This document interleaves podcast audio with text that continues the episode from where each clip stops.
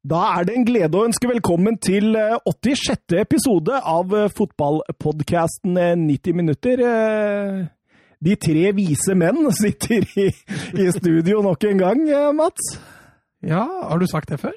Nei, jeg tror ikke det. Ja, For da kan jeg kontre med tre menn. Ja, for vi er ikke vise. Det er ikke, jeg er ikke vise. I det hele tatt. Vi begynner å nærme seg jul, da. Så det... Du kunne ha sagt tre nisser. ja, ja, for all del. Men åssen har uka vært? Jeg kan begynne med Søren, siden jeg alltid begynner med Mats. Ja, Favoritten din, ja. Det er, det er deg jeg ser på i studio. Søren? Det har jo begynt å bli kaldt ute. Det er jo litt, litt kjedelig. Det, det, har blitt sånn for meg og Søren at det, det er liksom sånn etter det har begynt å bli kaldt ute nå, så hver gang jeg går utafor døra, så får jeg det samme sjokket. Å, oh, det, var det kaldt! Og så kommer jeg ned til bilen, og så Å, oh, må skrape is av bilen! det er sånn, Hvorfor blir du så overraska hver gang, liksom? Ja, men Det er så slitsomt, for kroppen må klimatisere seg. For det er ikke like slitsomt i januar. Nei, nei, nei, nei ikke sant? Sånn at eh, kroppen må bare venne seg til det. Det er slitsomt med den kulda, altså. Ja, og så er det kjipt å ikke ha bil i garasje. Det er jeg helt enig i. Å sitte i bilen i ti minutter før Jeg gidder jo ikke å skrape. ikke sant? så du bare sitter jeg bare sitter i bilen til den er varm. Ja, ja. Jeg går ut ti minutter før.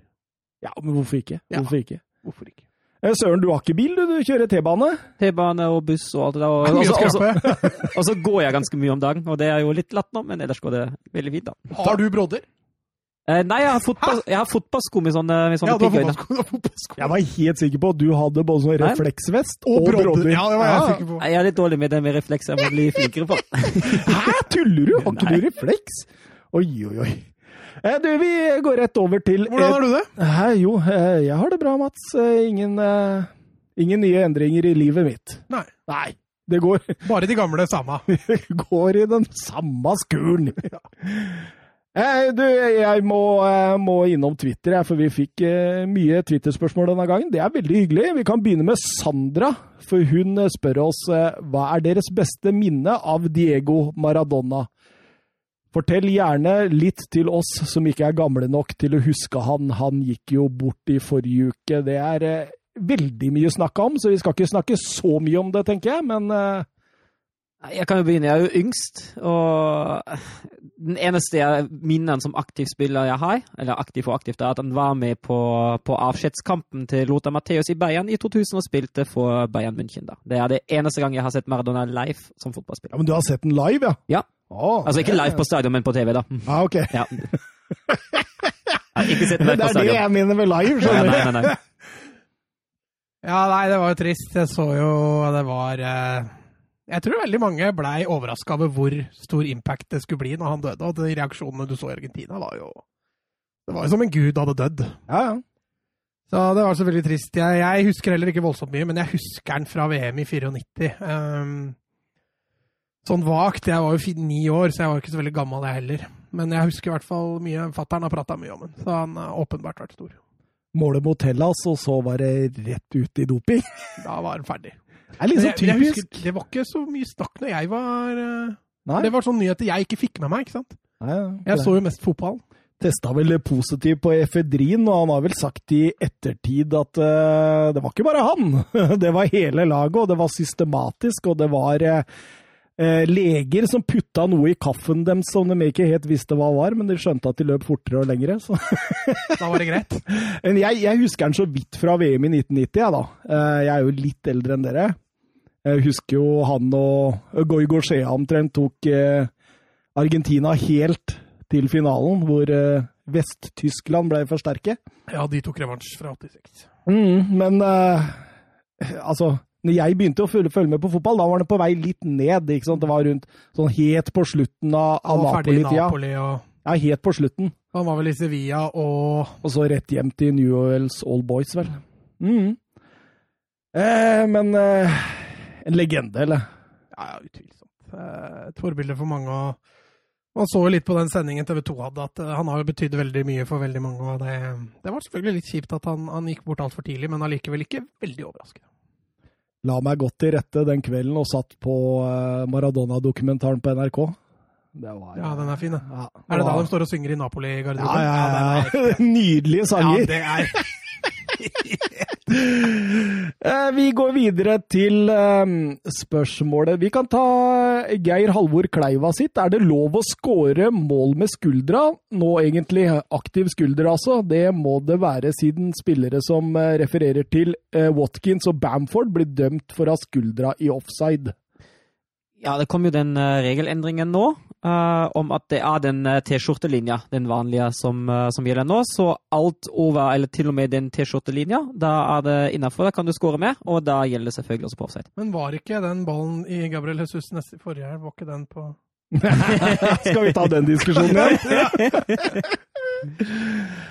Eh, Helt riktig, Søren, og derfor blir også en skulder offside, ja, enten om man liker det eller ikke. Det er mye sånt på sånne diskusjoner rundt omkring nå, altså om eh, de der armhule-offsiden og diverse. Det, de har en jobb å gjøre, altså, men hva skal de gjøre? Skal de, du, du eh, I forrige uke, Mats, så fikk jo du eh, muligheten til å være Uefa-representant, og, og, og, og, det første du sa da, var at du ville gjøre en regelendring i forhold til det med offside-regelen. Ja, nei, altså, altså jeg sa det at jeg syns det er litt eh, ødeleggende når du må fram med linjal for å finne ut om en spiller er i offside eller ikke. Og, det er greit nok å sette en strek, eh, og så måle ut fra den, men når du må sette to streker, og det må være så og så mange centimeter imellom La det gå, da. Det var vel det egentlig Andy Robertson sa på pressekonferansen etter kampen mot Brighton òg. Ja, altså det Altså, det var et par også i La Liga den runden her, hvor man står og venter altså, og venter og venter og venter, og det er snakk om centimeter offside. så Altså, klarer du det ikke i løpet av en halv, eh, et halvt minutt, så det er greit. Mål. Ferdig.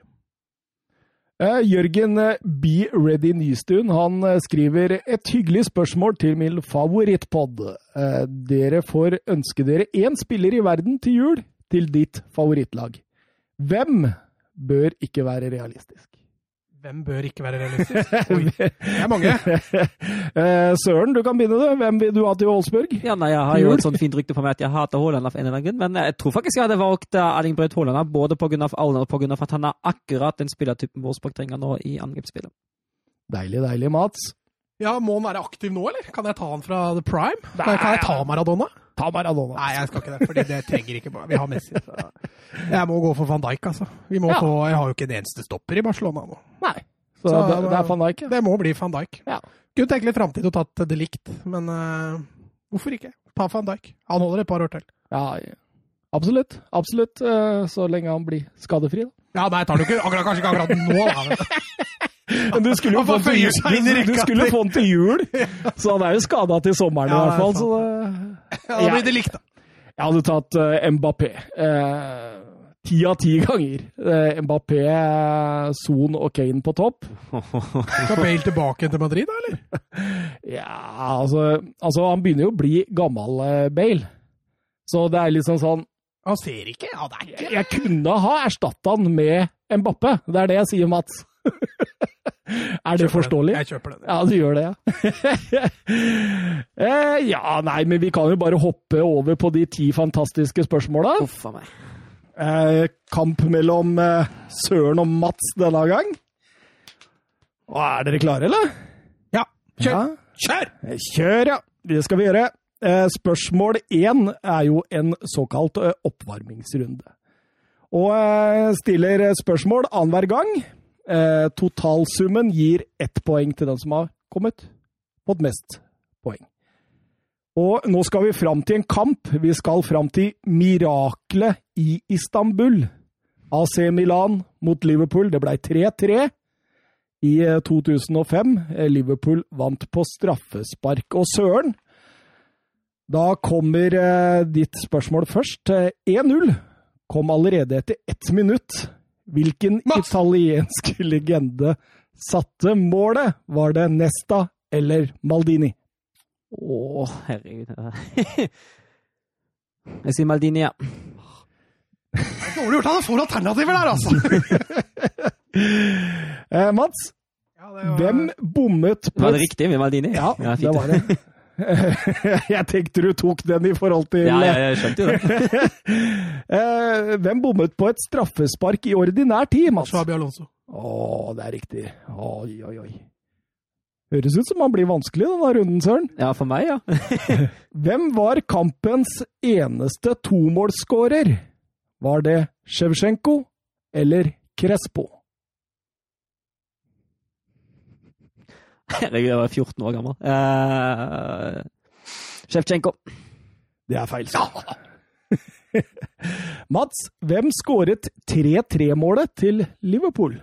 Var det Shabi Alonso, eller var det Vladimir Smiser? Ja, det var det! Xabi Alonso skåra vel på returen på straffa han bomma på, gjorde han ikke det? Var det 3-3, eller var det 2-3-2? Smith Nei, det var Alonso. Ja, Alonso. Det er helt riktig. Det er helt riktig.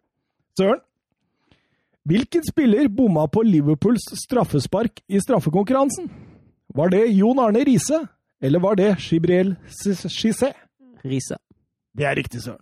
Og da må Mats vinne denne for at det skal Mats, hvem bommet på straffesparkkonkurransens første straffespark? Var det Serginio eller Andrea Pirlo? Nei, det husker jeg ikke. Å, da blir det tipping. Eh, For Pirlo hadde jo én bom, men var ikke det for Italia? Jeg går for Serginio. Det er riktig, Mats. Full pott og ett poeng til Mats i oppvarmingsrunden. Sterkt, sterkt. Jeg leder 4-0, og så vinner Søren. Ja, Søren har tatt igjen eh, store forsprang på deg. Ja, han har det. Han har det. Spørsmål nummer to. Diego Maradona gikk bort i forrige uke. Mest kjent for en fantastisk spillekarriere, men de fleste vet jo også at han ledet Argentina som VM. Som trener, ikke som VM, som trener i VM i 2010. Hvilken angriper skåret hat trick for Argentina i gruppespillet i dette VM? Det var mot Sør-Korea i en 4-1-seier. 2010. Å, herregud. Eh, Søren, jeg må bare gå for noe her. Higuain. Det er riktig, Søren! Jeg var egentlig på Aguero, jeg da, så det var like greit. Nå skal vi fram til en spiller, og jeg leser klubbene hans i kronologisk rekkefølge. Schaffhausen, Zürich, Arau, Lazio, Chelsea. Som trener MK Dons, VBA, Chelsea, Schalke, Aston Villa. Som trener? Har du nevnt alle klubbene hans nå som trener? Nei, først spiller. Jeg sa jo spiller, og så sa jeg som trener. Som spiller Schaffhausen, Zürich, Arau, Lazio, Chelsea. Som trener MK Dons, VBA, Chelsea, Schalke, Aston Villa.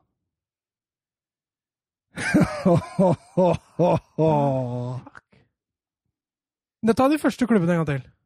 Eh, Som spiller Ja. Schaffhausen, Zürich, Arau, Lazio og Chelsea. Det er de eneste fem klubbene han har spilt for som spiller.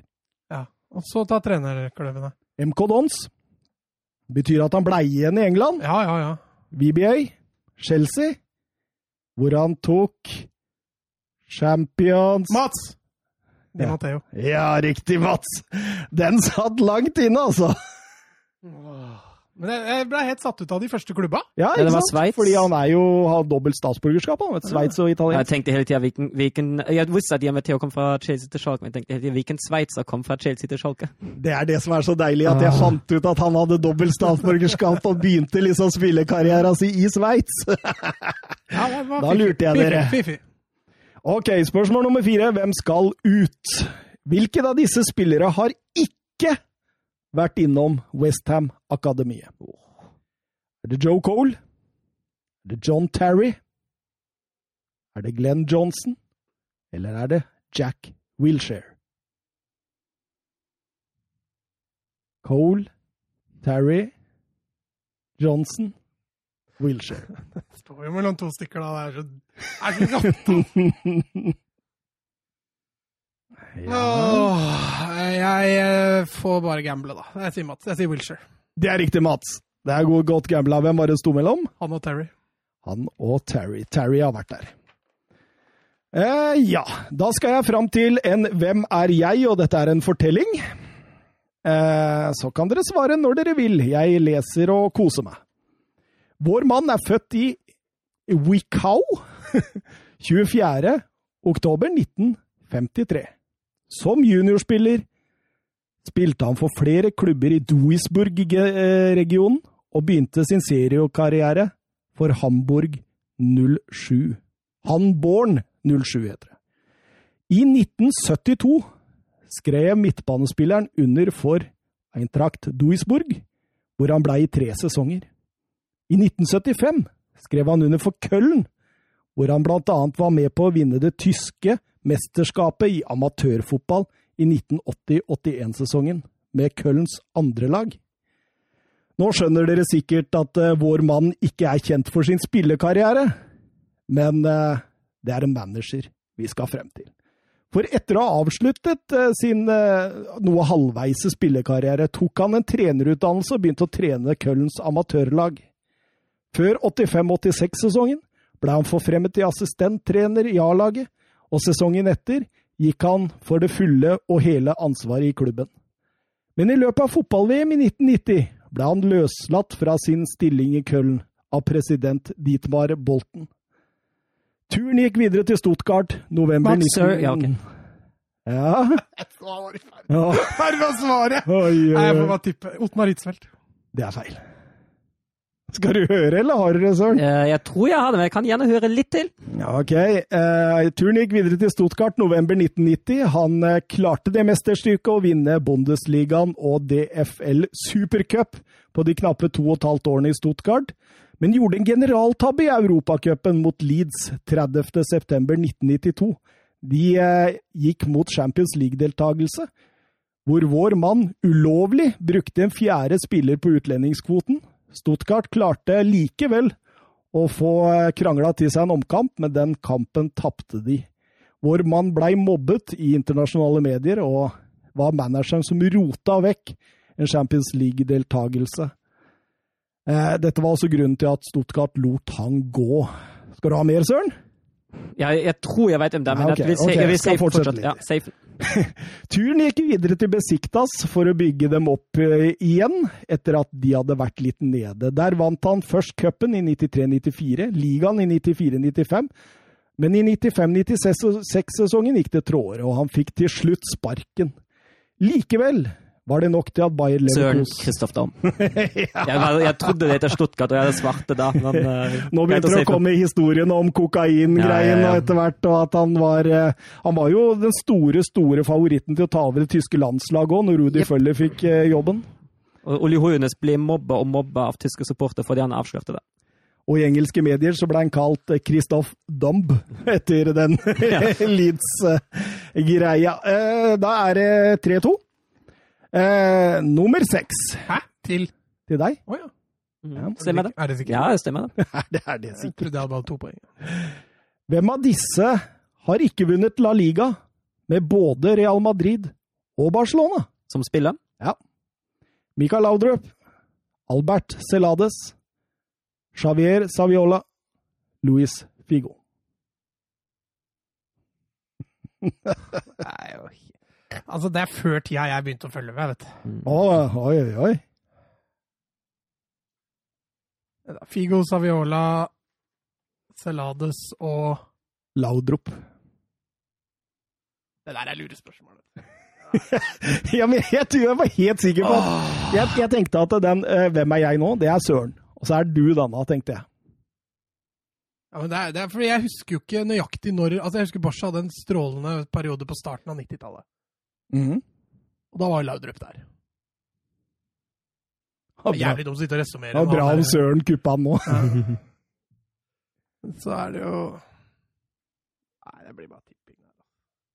Vil du begynne, eller? Så du kan få lov Hvem skal gå først?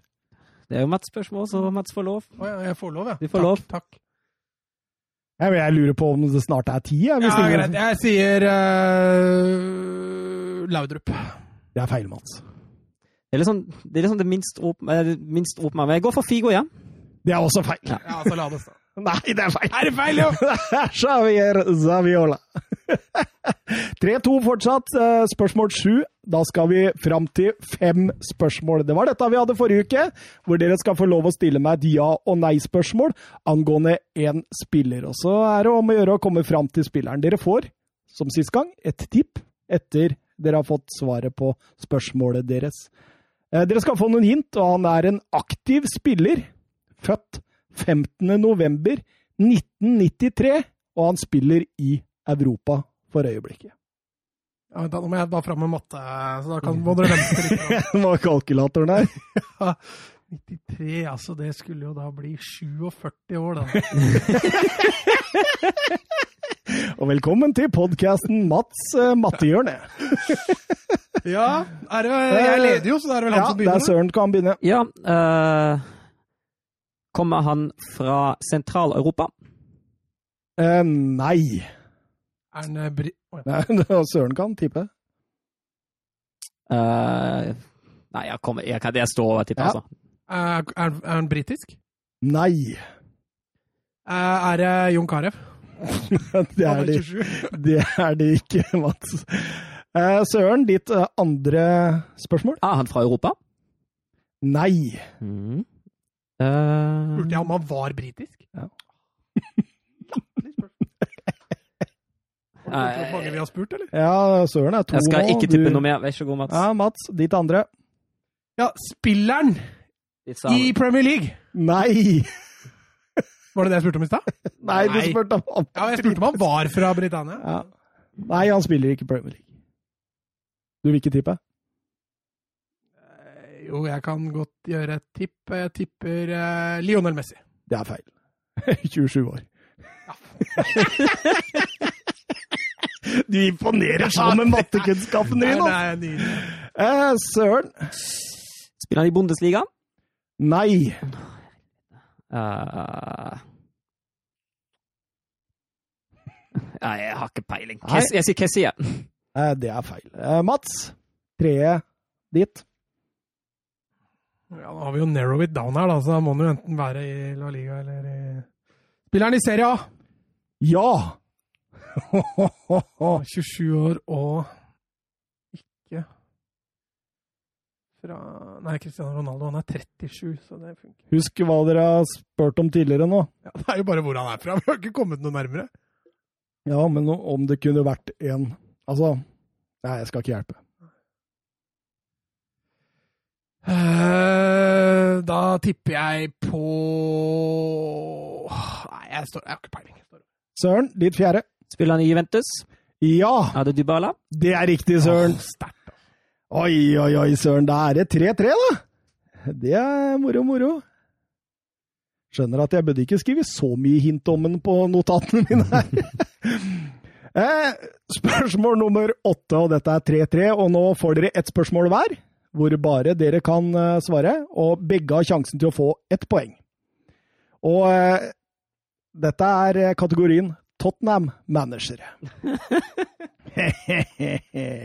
Søren, Ja. Hva heter treneren som forlot landslagsjobben i Frankrike etter EM 2004 for å ta over Tottenham, men som forlot klubben etter kun 13 kamper etter en serie med uoverensstemmelser med daværende sportsdirektør Frank Arnesen? Å, herregud. 2004, ja. Mm.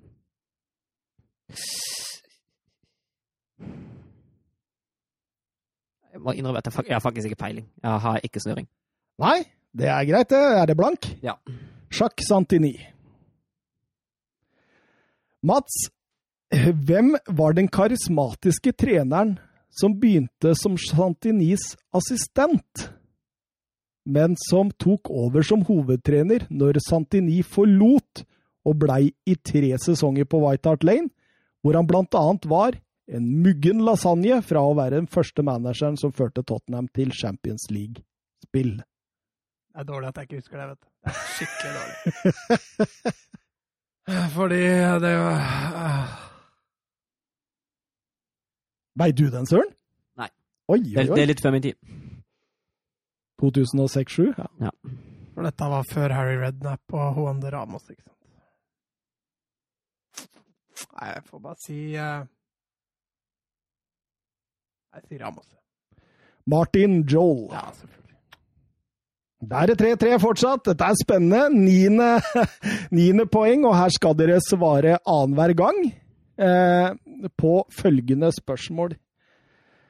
Dere skal nevne lag som hittil i sesongen har sluppet inn færre enn ti mål i seriespillet fra ligaene vi følger. Her blir det jo tipping, da. Nei Hvor mange lag er litt hvor mange lag er det til sammen? Det er eh, Ja, det kan jeg ta. Fem spanske, fire tyske, ett engelsk og tre italienske. Hvor mange Ja. tyske var det, sa du? Det er eh, fire tyske. Søren, jeg kan starte med Atletico Madrid. Det er riktig. De har sluppet inn to så langt. Ja, jeg vil tippe at Tottenham er der, siden du drar opp dette, faktisk. Så jeg sier Tottenham. Ja, de har sluppet inn ni. Eneste engelske, så der har dere stryket den. Wolfsburg. Det er riktig, Søren. Wolfsburg har åtte, så de er eh, Mats? Ja. Mm. Eh, jo, kanskje Real Sociedad?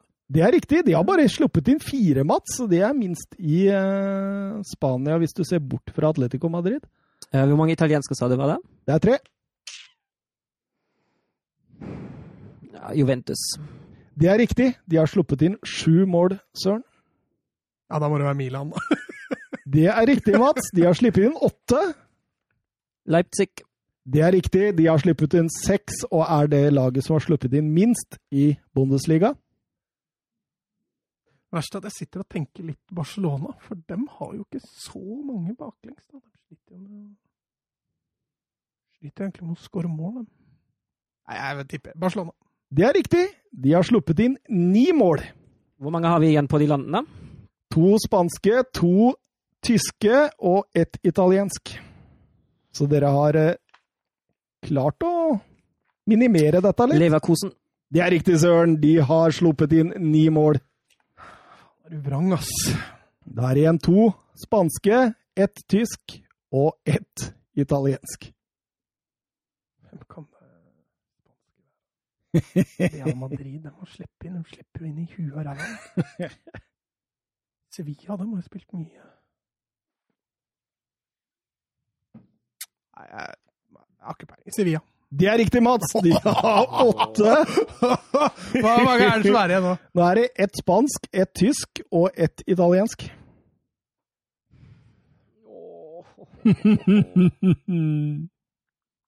Å jo! Har du det? Bam! Jeg så jo på den Å Å nei, nå må jeg ikke Å, fader heller. Mönchenglattberg. Det er feil, Søren. Så Mats Nei. ah, jo, for de slapp Eibar! Det er riktig, Mats. Yes! Ja, sterkt. De slapp ikke inn noen mål på slutten. Det er riktig, riktig. Da hadde vi en Dortmund. Ja, Og det sto mellom Dortmund og Mönchenglattberg. Fader heller. Hellas Verona? Ja. Oss.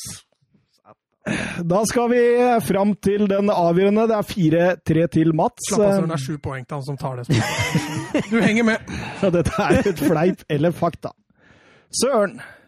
Eh, Kylian Mbappé har en adoptivbror som til daglig spiller i Bursaspor. Fleip eller fakta? Det blir jo ren gjetting. Fakta. Det er riktig. Kembo Ekoko. Mats, Teddy Sheringham sin sønn Charlie er et stort talent på vei opp i A-troppen i Crystal Palace. Er det fleip, eller er det fakta? Hvis du først skal finne på noe fleip, så er det liksom Er du så tørr? I, hvor er det Teddy Sheringham bor han nå? Bor han i London? Nei, Eller? det aner ikke hvor han bor nå. Hva sa du sønnen het? Charlie? Fordi altså, det, er, det, er, det er historien Altså, han heter liksom ikke Stian Sheringham, og så er det fleipet, liksom, men han er på vei opp i Ja, det, det, ja, ja, ja. Altså, Altså, jeg, he- det, eller det, jeg, jeg tuller ikke med navnet. Han, Nei, ja, sønnen er- heter Charlie Ja, Sheringham. så det er storyen som er fleip eller fakta. Stian Sheringham! Ah, Det, det høres jo så ordinary ut! Kan du fleipe med det? Nei, jeg må jo bare si fleip, da. Det er riktig. Han er 32 år og spiller for Dartford. ja, det var der, ja. Men da skjønner jeg. Robbie Savage ble tatt av og kjørt til sykehuset etter en hodeduell. De trodde han hadde fått en alvorlig hodeskade, men sannheten var at han faktisk ikke visste hva statsministeren i Storbritannia het. Er det fleip eller fakta? Det kan faktisk veldig godt være fakta. Jeg går for fakta. Det er helt riktig. Det står i biografien hans. Men det har jeg lest. Eh, Mats.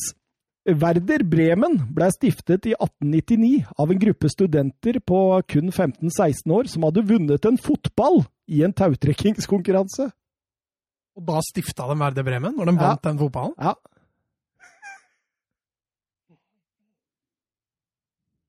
Åh. Jeg må jo bare si eh, fakta. Det er riktig. Det er riktig. Det er sterkt. Søren, Mm. Rio Ferdinand har mista førerkortet hele fire ganger. Én for fyllekjøring og tre for høy hastighet. Er det fleip eller fakta? Jeg tror han blir tatt på, tatt på fyllekjøring i hvert fall én gang, men jeg sier fleip, ja. Det er fleip, han har mista lappen seks ganger! Såpass, ja! Seinest nå i november, det var derfor jeg tok den med. Eh, Mats, eh, ja, da må du faktisk eh, vinne denne for å dra av gårde med totalseieren, faktisk. Det er 50% sjanse. Superagent Jorge Mendes har eh, tidligere jobbet eh, for sin mor så, for å selge stråhatter og kurver. Er du ferdig med Er det, er det ja. påstanden? Han solgte stråhatter og kurver for mora si. Fleip eller fakta?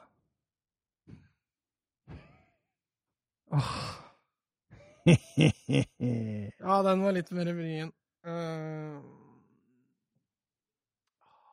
Nei, jeg går for fakta. Det er helt riktig, Mats. Så dermed vinner du denne ukens ti spørsmål. Deilig. Takk. Gratulerer. Takk, takk. Tar deg en lion. Kos deg. Det skal jeg gjøre. Jeg tar den til kampen etterpå. Du tar den til kampen Jeg etterpå. gjør Ja. det. Mhm. Eh, Søren, eh, var det greit, eller? Ja, jeg syns det var helt greit, ja. Ja. Mats var best og vant fortjent.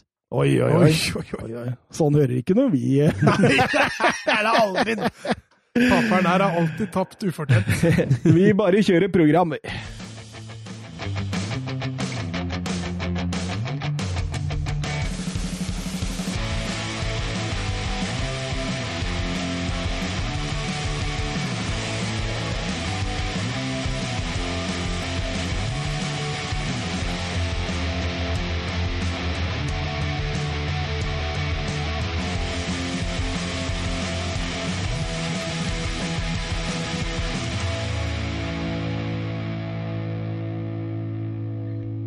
Ja da, ja da. Da fikk vi eh, avgjort denne quizen. Den, eh, den satt langt inne, Mats. Ja, det gjorde det. Ja. Men jeg gikk treigt i dag. Det var, følte meg litt sånn Thomas Edvardsen. Uh, Ja, men jeg Faktisk. lager jo også en quiz som liksom på en måte er i min ånd. Ja. At, Du skulle ønske vi hadde de samme. Ja, jeg, jeg ser jo det på Altså, vi har allerede brukt uh, 30 minutter, liksom. Altså, når dere stiller quizen, så er vi jo ferdig på rundt 20. Så det er jo åpenbart at eh, Enten det, eller så er dere bare jæklig mye bedre når dere er mot meg. Vi skjerper oss. Ja, ja. Nei, men eh, sånn er det. Vi må over til eh, det vi egentlig er her for å gjøre, og det er snakke om fotballhelgen. Vi begynner i England, som vi normalt sett gjør. Og vi går til Brighton mot Liverpool, og det var jo et, et Liverpool-lag som var voldsomt redusert. Tre av fire var borte bak i eh, fireren. Milner og Minamino var inn på midtbanen. Mané hviles, eh, Matip hviles, og de kom jo til Brighton med litt sånn ja, litt, sånn- Jeg tenkte i hvert fall her har Brighton kjangs. Ja, det, det tenkte jeg òg. Uh, men altså, de første ti minuttene de har jo Liverpool full kontroll. Uh, og det er, en sånn, det er en sånn rar blanding. Vi var inne på det, vi snakket om City mot Liverpool-kampen, at motstanderen mot Liverpool står høyt, men ikke aggressivt. Og Brighton gjør jo noe av det samme. Ikke noe press på ballfører, og samtidig gir de mye bakrom til Liverpool, som Liverpool nesten klarer å utnytte. Det er flaut å se det presset til Brighton første ti minutta der, altså. Ja, men hva skjer? For plutselig så eh, skjerper de seg. Ja, jeg lurer på om den, den sjansen de hadde, den Connolly-sjansen etter tid, det var en vekker for dem at nei, nå skal vi, nå skal vi gripe tak i dette her, nå, nå får vi spille fotball. Altså. Pluss at det er ikke publikum på banen, da. Så hvis eh, Potter eller noen andre på Brighton-benken har gitt dem en ordentlig skillevink der, så, så ville de ha hørt det antakeligvis. Mm. For det var jo enormt store, store rom, faktisk, og Sala, han eh, Jo, jo, men én ting er det. Når, når Liverpool-spillere begynner å nærme seg 16-meteren din, og så er det tre-fire meter til nærmeste Brighton-spiller, da begynner du å havne ganske kraftig i trøbbel. altså. Og det tok ja, det er, jeg sier, tok ti minutter før Brighton begynte faktisk å lage noe frispark og, og trøkke til. Ja, og etter 20 så får de jo straffen, og Connolly kommer foran eh, Neko Williams der, og Ja, han er jo litt urutinert, Williams, der, men uh, ja, Og så er blir, Connolly overraskende rutinert der. Ja. Han er det. han, det, er litt som Jamie Wardy. Du setter en uh, Setter ut beinet for, ja. å, få, for å få en kontakt der. Og uh, Mopai, han uh, setter den utafor. Liverpool. Mer enn to uker siden hvor vi satt her og sa det at det er sjelden man bommer på mål på straffer, og etter det så har det skjedd to ganger. Og begge er mot Alison. Han skremmer vannet. Ja, må, må gjøre det. ja, og så har du den etter 33 minutter, da, da Sala er igjennom og setter mål. Men det blir var. Offside. Eh, den er jo grei. Ja, den er ikke så marginal som vi skal altså, Som har vært flere i år. Nei, flere i denne runden her, men uh, den er grei, den. Totalt eh, greit og jevnspilt ut eh, omgangen, Søren. Ja, jeg er helt enig. Jeg syns Brighton kom seg veldig. Jeg syns begge lag eh, gir overraskende mye bakrom, egentlig. Uh, begge lag prøver å utnytte det, og begge lag kommer til muligheter der. Men uh, ja, Liverpool, uh, Liverpool og Brighton begge to litt urutinerte og litt dårlige i avslutningene. Litt skuffende den forsvarsfireren til Liverpool i den kampen her, altså. Mm. Det ser ut som et trekkspill. Ja, det gjør det. Det er s- på, på sitt verste. Eh, Men skuffende eller forventa, fordi jeg tenker Jo, altså, du tre av fire er borte. Ja, altså. du kan godt si det, at de har, ikke, de har ikke trent mye, men du ser ofte at det er, Fabinho er en av de som faller for langt inn. Mm. Spiller nesten sånn sweeper. Eh, og det opphever offsiden, og, og Phillips på stoppersida motsatt der, han sliter med å forholde seg til det, og det er ikke så rart. altså. Nei, nei, nei. Absolutt ikke. Men eh, ja, blir en rolig start på annen omgang før Diego Shota setter 0-1 etter timen spilt. Eh, Det er vakkert. vil jo ikke ende tap, han derre Shota. Nei, du, når er det du skal innse nederlaget? Nei, jeg, jeg, jeg har sagt at du må gi den i hvert fall en sesong, og så ryker det. Altså, husker du Sheidan Shakiri? Men én kanonsesong, er du da en flopp? Nei, men at du, han får en go god sesong nå, og så ryker han. Husker du Shakiri når han kom til Liverpool? Det blir en ny Shakiri. med skader, da. Blir en ny Shakiri. Ok. Ja, ok. okay. eh, men han eh, Det er jo nydelig. Han tar et par dummies der, og så setter han tilbake der han kom fra. Det er, Det er litt uflaks Ben White der, eller Ben White som sklir inn, og så går han over foten Ja, hans. rett er over. Eh, og da og Mané har vel en eh, offside der av Vare, og Ja, men det er greit ennå, altså. Er mm, Absolutt. noe å si på. Eh, Salah blir jo veldig misfornøyd han blir bytta ut. Ja, så, så du det? Han var ikke blid. Nei. Han nettopp levert den assisten til eh, Shota der, og så blir han tatt av. Mm. Ja, ja. Nei, men det, det Altså, jeg tenker jo hvile. Man trenger hvile. Ja, selvfølgelig. Og så har de, altså, nå, på grunn av det tapet mot, uh, mot Atalanta er de ikke helt gjennom i Champions League ennå, så da må man uh, kanskje satse litt tyngre enn man hadde planlagt i utgangspunktet, og da er det viktig at spillerne er klare. I hvert fall de viktige. Jeg tror det er et sånt lite utbrudd som når du kommer i garderoben og får dusja, alt er klart, så tror jeg han uh, aksepterer det. Men så får jo Brighton straffe på overtid. Ja, da er det jo eh, duell mellom eh, Robertson og Welbeck, og så blir det VAR. Og dommeren eh, ser vel på skjermen og sier at her var det straffe. Robertson han er vel i foten på Welbeck, Ja, altså klokkeklart. ja, så jeg syns den er fin, den. Men, men der jeg sliter, er at Welbeck liksom tar et par steg før Ja. han legger seg. Altså, jeg, altså, jeg sliter med å se det der, fordi jeg er enig i at straffe og sånn, da må VAR inn og titte og sånn. Men ute på banen, det Mm. er ikke sikkert det der hadde blitt frispark. For det Nei. ser ut som han tar ballen, og dommeren hadde latt seg lure. Jeg er enig, altså, han tar jo- tar jo mannen der, og det var greit straffe, men eh, jeg også sleit litt med å svelge. Litt samme følelse som Klopp, at den, den er så bitter. Så skal du ikke gå og klappe til linjemannen etterpå, sånn som han driver på, men uh, jeg skjønner at han syns den er bitter. Da føler du at VAR er mot deg. Ja, i hvert fall når du har de to offside-situasjonene også i forkant, og, Jo, jo, jo. Altså, så riktig som de var, da. Ja, ja. Men, uh, det, men det føles litt kjipt. Men akkurat der føler du at de henger over deg, passer på det Mm. du gjør, da. Men det er jo sånn, altså Nå skårer Pascal Gross på den straffa, og det blir én, men altså Klopp i ettertid òg. Voldsomt uh, aggresjon Ja. eh, ovenfor reporteren der. Jeg, ja, Eh, Altså, det, er litt, det er litt det som vi har vært inne på før, at han er jo litt dårlig taper. Han er en uh, fantastisk hyggelig kar i store deler av, uh, av trenertilværelsen. Og så snart det går ham noe imot, og så snart han, han har noen å gi en skyllebøtte til, da, da blir det det vi har sett. Å være rundt Klopp etter at laget har hentet færre poeng enn han forventa, det tror jeg ikke er noe særlig hyggelig. I hvert fall nå, hvert fall nå han har noen å, og, ja, og ha dårlig humør på. Det var bra han stilte opp til han der BT Sports-greia. Så, så sier han, så sier han Han stiller jo vanlige spørsmål, så sier Klopp gratulerer. Gratulerer ja, til meg personlig, da, eller? Ja, gratulerer for at dere fikk James Milner skada. er liksom Han bare Ja, OK, liksom. Det er jo, bør jo rette sinnet til meg. Det er jo Premier League som godtar dette her, liksom. Så ja. Jeg synes ja, han, skyldte på TV. Ja, ja. TV-selskapet, og Fordi, sånn det- fordi eh. BT Sport de har de 13.30-kampene holdt jeg på å si, på formiddagen der, som eh, han påstår var grunnen til at eh, Milner ble skada. Men Milner er jo ikke en som har spilt så mye at han bør bli skada av slitasje. Så jeg ingen av de BT Sports utpå der heller. Som...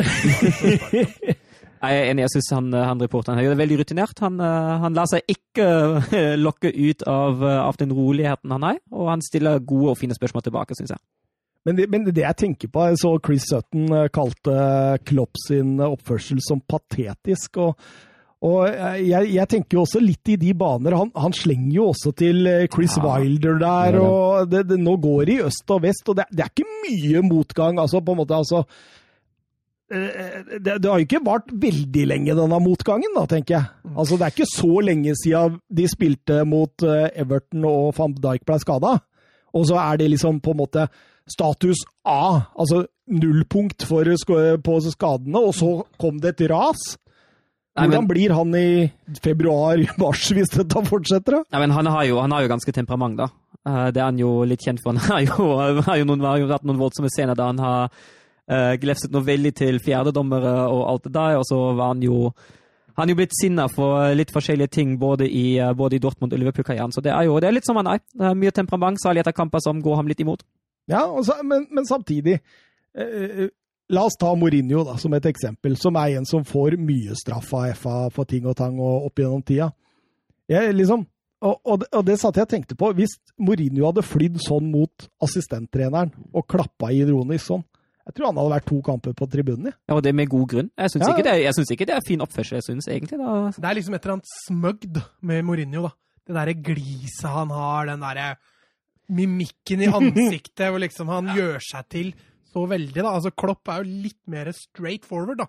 mm. Altså, spør du han og han er forbanna, så får du et forbanna svar. Mourinho kan være litt syrlig, stikke litt, litt underliggende det han sier og sånn, og det kan kanskje være oppleves litt verre, da. For han, Ja. han, er jo ikke, han er jo ikke vanskelig, han er jo ikke dårlig til å skjule ironien sin, Mourinho. Den kommer ganske syrlig fram. Vi skal ikke snakke så mye om Manchester City Burnley pga. vi har et tettpakka program i dag, men eh, vi kan jo si at det var jo full overkjøring fra start til slutt. Det er jo litt sånn eh, litt som man er vant til å se City. Eh, kan vi kanskje si endelig? Eh, at City spiller som man, som man skulle Ja, tro de spiller. samtidig Burnley. Ja, det- det de, altså. de lot dem få lov, Ja, altså. jeg tenkte, tenkte det samme, særlig på, særlig på de skårene. Altså, de, de avstandene de hadde, hvis man sammenligner dem med den Spurs-kampen vi har vært gjennom, eh, da de står tettpakka rundt egen boks og ikke gir en meter gratis til Spurs-spillerne, og så får De Brøne og lagkameratene spasere mellom den midtbanen uten at den spiller er rundt den og slår pasninger i hytt og pinne som de vil, og utnytte det strekket som er i Det Brøne-laget det er svakt. Jeg er helt enig. Ja, det var eh, å, men, men, men for all del gode angrep, men det er lett som for et stjernespekka mannskap som Manchester City å rade opp gode angrep når det knapt nok er press på deg. Altså, De står jo i 4-4-2, Burnley. Ja, det var også når de går offensivt, du ser hvordan de slår bort enkle pasninger. De langpasningene, de- hvis de vinner en duell, så er det jo milevis til nærmeste Burnley-spiller. Og, og det er ikke Altså, det var litt som å se Brighton de første ti mot Liverpool. Bare i en hel kamp. Eh, og så det at Peacock Farrell kommer derfra uten en keepertabbe, er er jo så flaks at eh, Han reddes jo av VAR to ganger der, eller at hva det er for noe. Ja, ja, ja. Og eh, Mares, ja. Det, det, dette var andre takter av Riyad Mares, Mats. Ja, skudda sitter. Det er Ja. det som er forskjellen. Ja. For han gjør akkurat det samme. Men når, når det går i mål, så kan du ikke bli forbanna på han heller. Men eh, det, jeg skal ikke ta fra han noe i den kampen der. Det var strålende. Det var Riyad Mahrez sitt eh, hundrende målpoeng. Han har altså 59 mål og 41 assists i Premier League. Det er han sjette afrikaneren som klarer dette i Premier League. Eh, Kan dere nevne noen av de andre? Ja, ja, Mané? ja. Kom igjen, kom igjen! Hva sa afrikaner? Ja. Kanu? Eh, Nei. Eh, Drogba. Ja. Og to igjen. Nei, nå stoppa det. Hva sa du? Kanu? Ja, no- Munch- Munch- Nei, eh, det var Drogba. Ja. eh, hva med Solomon Kalou? Eh, nei. Nei. Jakubu, husker dere han? Ja, Portsmouth. Og Adde ba Ja Men vi sier ikke så mye mer om den kampen der, egentlig, tenker jeg, annet enn at um, det, var full overkjøring, og, og, City fikk det enkelt. Jeg tror, uh, før vi kan uh, Noe som ligner i nærheten av friskmelde nå, så må det møte et litt ja, bedre fotball. Det er jeg enig i. Burnley er vel et av to, nei, tre lag som skiller seg ut i bånn nå i Premier League. Og... Ja, og de, de, er jo mye bedre hjemme enn borte. Borte er med skandale, som jeg sa til dere før uh, her også, det er vel de fire siste kampene på Etiad mellom disse to lagene endt 5-0. Mye bedre hjemme. Du veit de har fem poeng i år, eller? Ja, men det, altså, det blir jevnere kamper. ja, jeg skjønner det. Southampton, Manchester United uh, Ja, van de Beik fra start, Mats? Ja, og det var ikke så lett å tyde før kampen hvordan han skulle spille dette her, Solskjær. For han kjører inn på både Fernandes og van de Beek og Fred og Matic. Mm. Han kjører inn fire sentrale spillere der, og um, Det merka man i annen, første omgang, ja, for det ble veldig vandring, smalt. Mye vandring òg. Van de Beek visste ikke helt om han var høyre eller venstre. Fernandes var plutselig falsk nier. Eh, det var vel egentlig bare Fred og Matic du så hadde tydelig klare roller der. og ja, Det var litt interessant å følge med. og det så De første ti minutter kvarteret helt fram til Southampton skåra. så mm. så det litt spennende ut. Mm. Men uh, den skåringa, den drepte mye. Jan Bednarek der, som kommer inn på første stolpe, Søren. Ja, og da det, Altså, jeg, jeg syns det kommer litt ut av det blå. Det kommer akkurat i en fase der United hadde vært best i starten, men at Southampton kom seg litt bedre inn etter 20 minutter. Uh, jeg syns jo de begynner å slå litt mer mellomlangt mellom linjene og finne spillerne der. Uh, og så syns jeg altså de lykkes mye bedre i gegenpress etter de, etter de, første 20. Da vinner de ballene høyt, og da setter de en liten stopper for United-spill. Uh, og så kommer skåring etterpå, og det gir dem selvfølgelig mye medvind. Men du så også i starten, da United de slår en del langt, men da er mm. de på andreballene. Mm.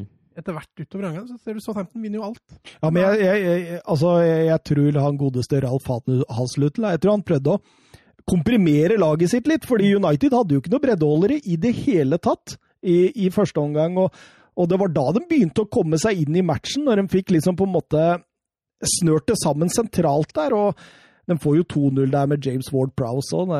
Den frisparkfoten han har, den er ganske enestående. Ja. Det er farlig hver gang, det. Jeg tror ikke det er keepertabbe heller. Altså, det er vanskelig å Nei, jeg syns ikke det er en keepertabbe. Selv om han, uh, han må jo feil, han går jo i stanga der så det synger etter han, så han feilberegner nok litt. Men, men det er litt sånn Beckham-fot, er det ikke det? Litt sånn, uh, det er litt mer snert i den her. Ja, ja. Beckham, Ballene til Beckham husker jeg brukte litt lengre tid. Det er kun Davy David Beckham i hvert fall med engelsk pass som har flere frisparkmål i Premier League enn Jordan, James Ward Prowse nå. Så det er Jordan Woodward? Jordan Woodward, ja.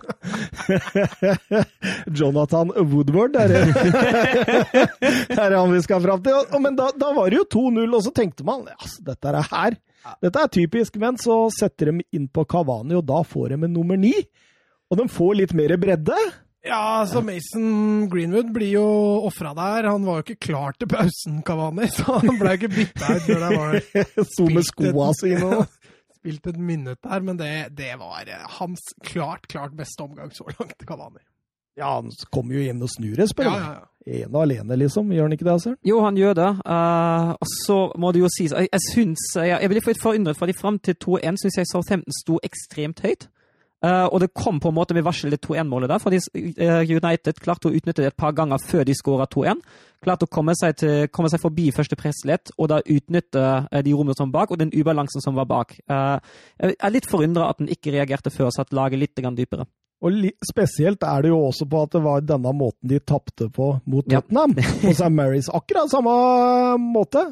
Jo, men Hasselhut han går ikke så ofte lavt, han. Nei, han gjør ikke det. Jo, det er jo gung-ho. Det er ja. gung-ho. Ja. Ja, og, og, så ser det litt utover i omgangen. Når, når, altså, United får full kontroll etter 2-1, uh, og så prøver Southampton å fortsatt presse høyt. Han har justert seg bitte litt lavere, men så snart de går ut og støter, det sitter ikke i presset.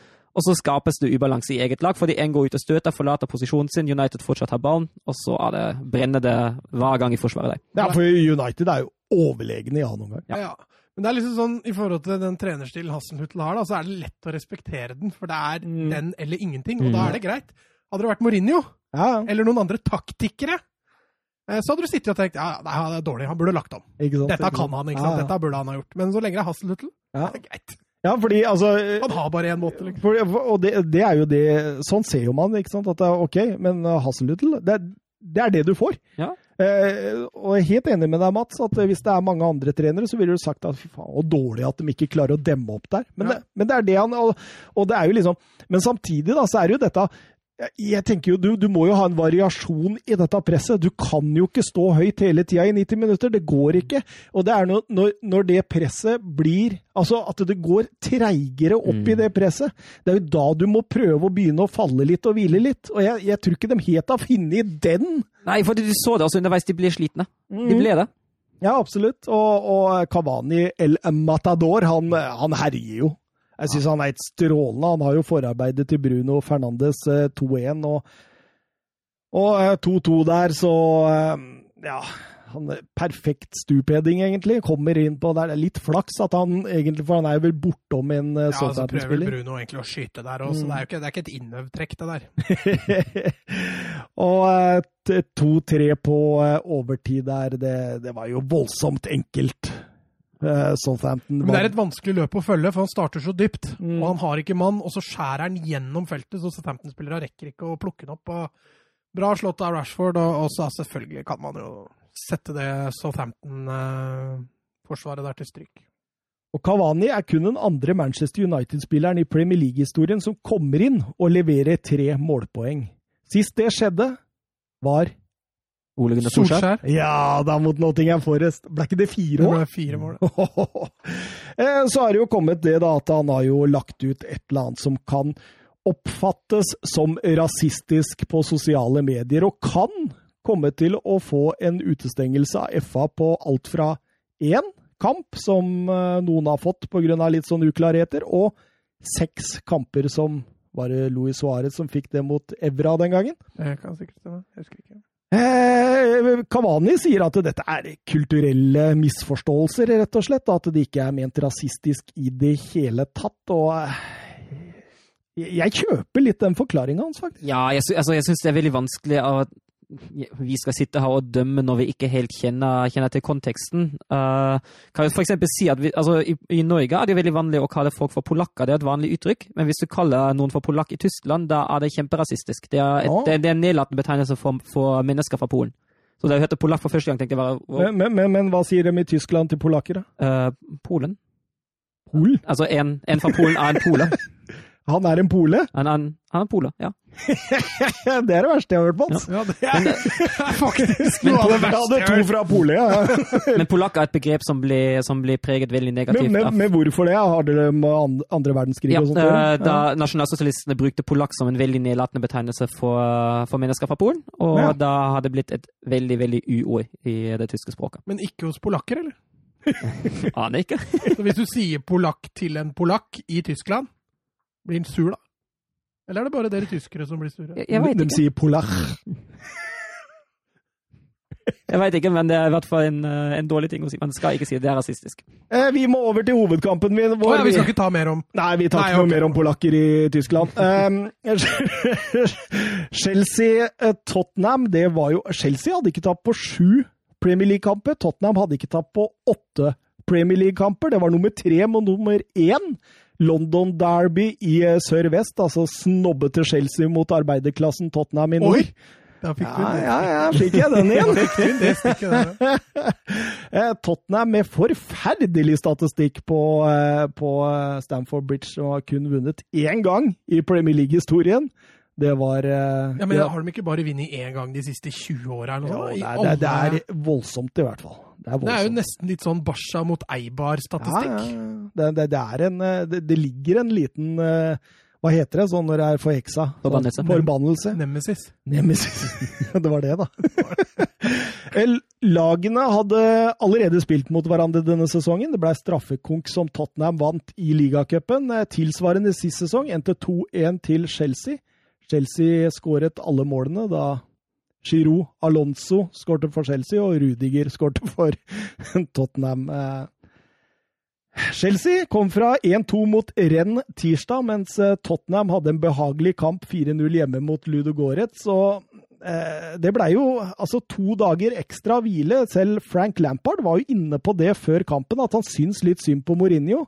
Fordi det har veldig mye å si om du får fire døgn fram til neste kamp, eller om du får to døgn, sånn som eh, Mourinho fikk. eh, Jeg jobber vel at det var et uh, litt B-prega Tottenham-lag som møtte Ludogets, og at det var en hjemmekamp, i hvert fall, at man slapp den reiseveien. Ja, det var jo bare en Dombele som Mm. spilte den kampen som starta på Stamford Bridge. Men jeg tror ikke det bare handler om det, men det handler om det med forberedelser inn til kamp, ikke sant? Ikke kun om hvile. Uh, ja, lagene skal vi Chelsea kom jo ganske Som forventa, ja.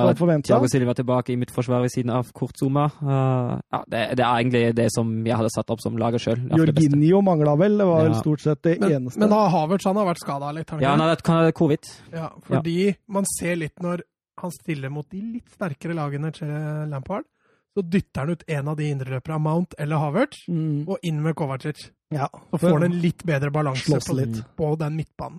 Så er det enten Mount eller Havert som får spille. I Tottenham så var jo Toby Aldevereld ute med skade, og eh, istedenfor å velge Sanchez, så valgte han Roden. det, er, det er ballsy, egentlig. i en Ja, sånn... når du så den siste forestillinga til Sanchez, så var ikke det en god søknad for å få spille noe med det første? Nei, du mener ikke det, nei? Var det ikke han som kåla det til sist? Mot Westham? Ja. Du tenker på eh, selvmålet, stupheadinga? Ja, ja, ja, stemmer. Ja, Det var da det rakna for ham på slutten. Han var vel skyld i to av måla der, var han ikke det? ja han, eh, han har vel en vei å gå hos Mourinho nå, skjønner jeg. Han er årets Dembélé. Nei, årets Ndombele.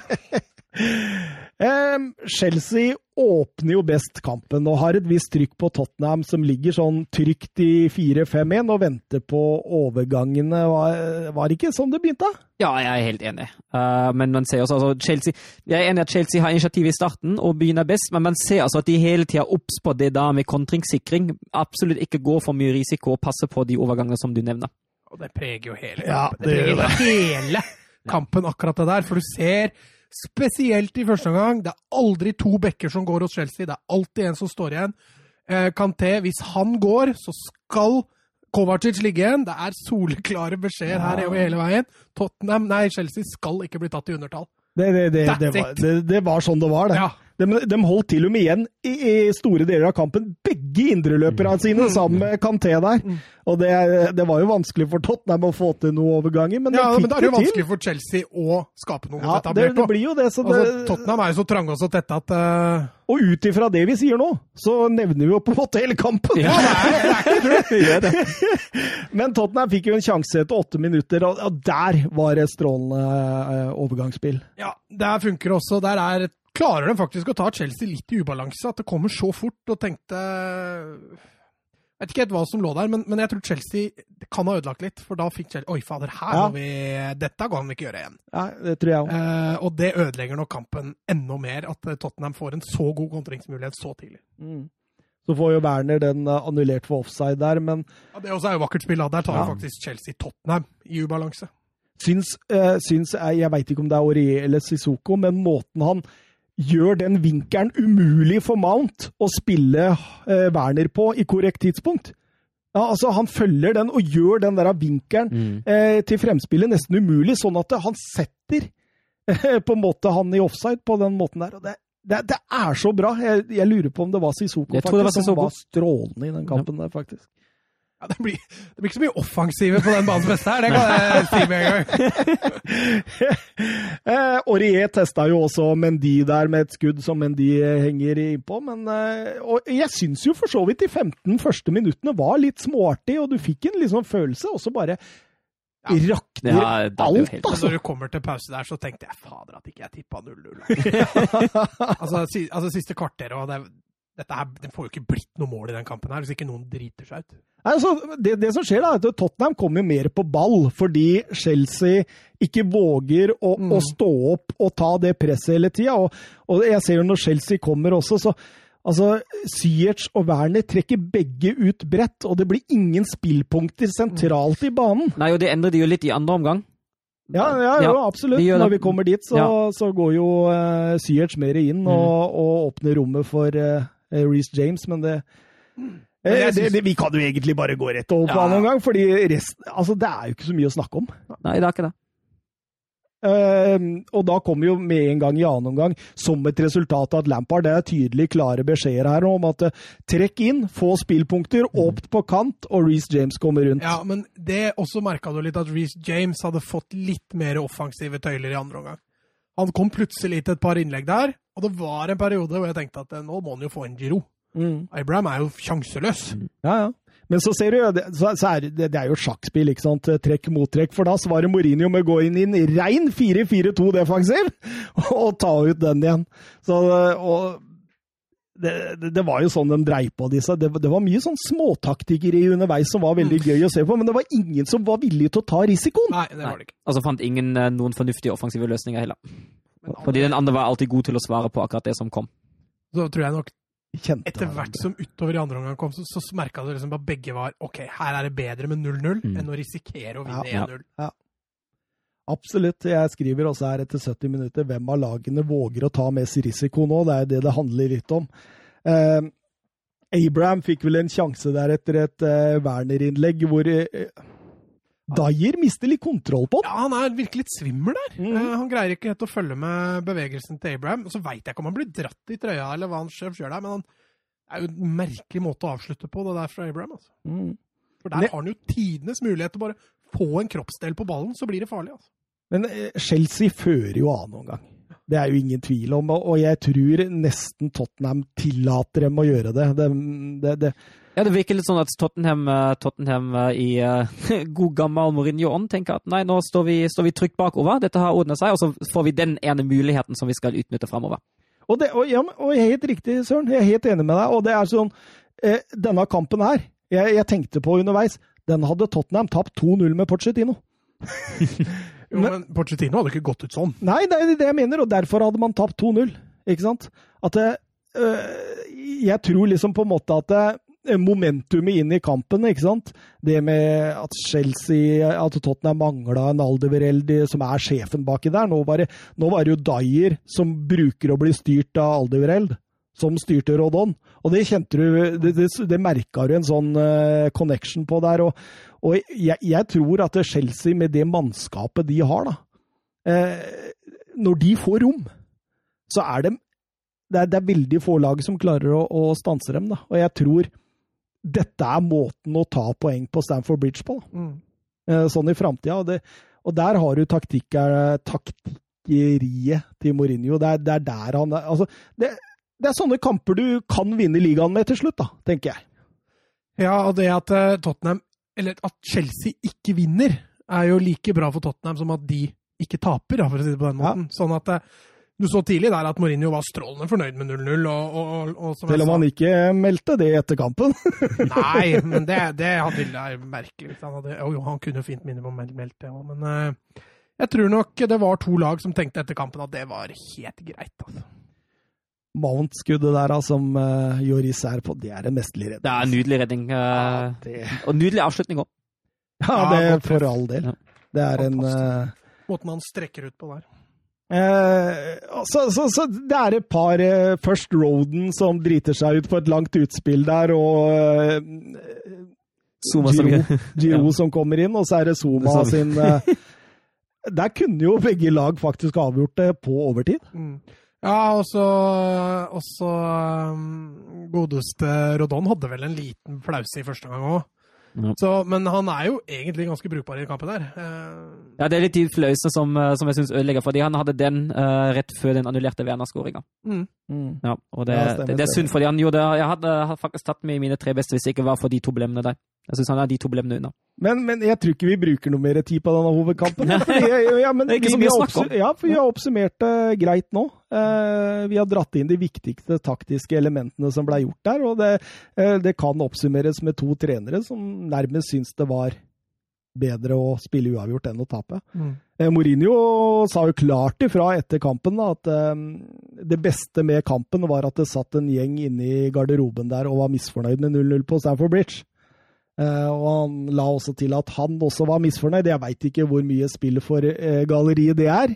Tror han var ganske fornøyd med det der. Jeg tror det er det nest beste han kunne få. Uh, Ikke at seier hadde vært det beste. Ja, nei. og så uavgjort, og så tap. Nei, men, men, jeg tenker også på gjennomføring av kamp. Jeg tror det var akkurat som han ønska at en kamp skulle bli gjennomført. Jeg tror kanskje det han har misfunnet med, at den avfyrende kontringsmuligheten aldri kom. Mm. Jeg tror kanskje det er det han tenker på når han sier at han ikke er helt fornøyd uh, med resultatet. Ja, også, også Lo Celso-sjansen på slutten ja. snakka han om da. Det, ja. fordi hvis han hadde dytta den til Harry ja. Kane der Hva var det han prøvde på der? Jeg veit ikke. Var det en chip, eller var det et innlegg på bakerste? Jeg tror det var et innlegg på bakerste, at han tenkte at mora skulle komme der. Men han kunne jo bare levert den til Kane. For, for, den avgjørende kontringsmuligheten til Tottenham, den kom jo ja. faktisk etter åtte minutter, den. Ja. ja. det var jo da de fikk kontra. Det var da de fikk den mm. muligheten. Ja, absolutt. Absolutt. Eh, resultattipset Søren 2-1 til Chelsea, det gikk ikke. Null poeng. Thomas 1-2 til Tottenham, null poeng. Det gikk ikke. Da er det Mats, da. 1-1. Du fikk ett poeng, du. Ja, men det er ikke tull. Jeg tenkte etter 30 minutter i den kampen der, fader at ikke jeg tippa 0-0. Altså. Ja, men det gjorde flere av oss, tror jeg. Helt riktig. men jeg tenkte i hvert fall, da får jeg ett poeng. Det tenkte jeg allerede etter 30 minutter.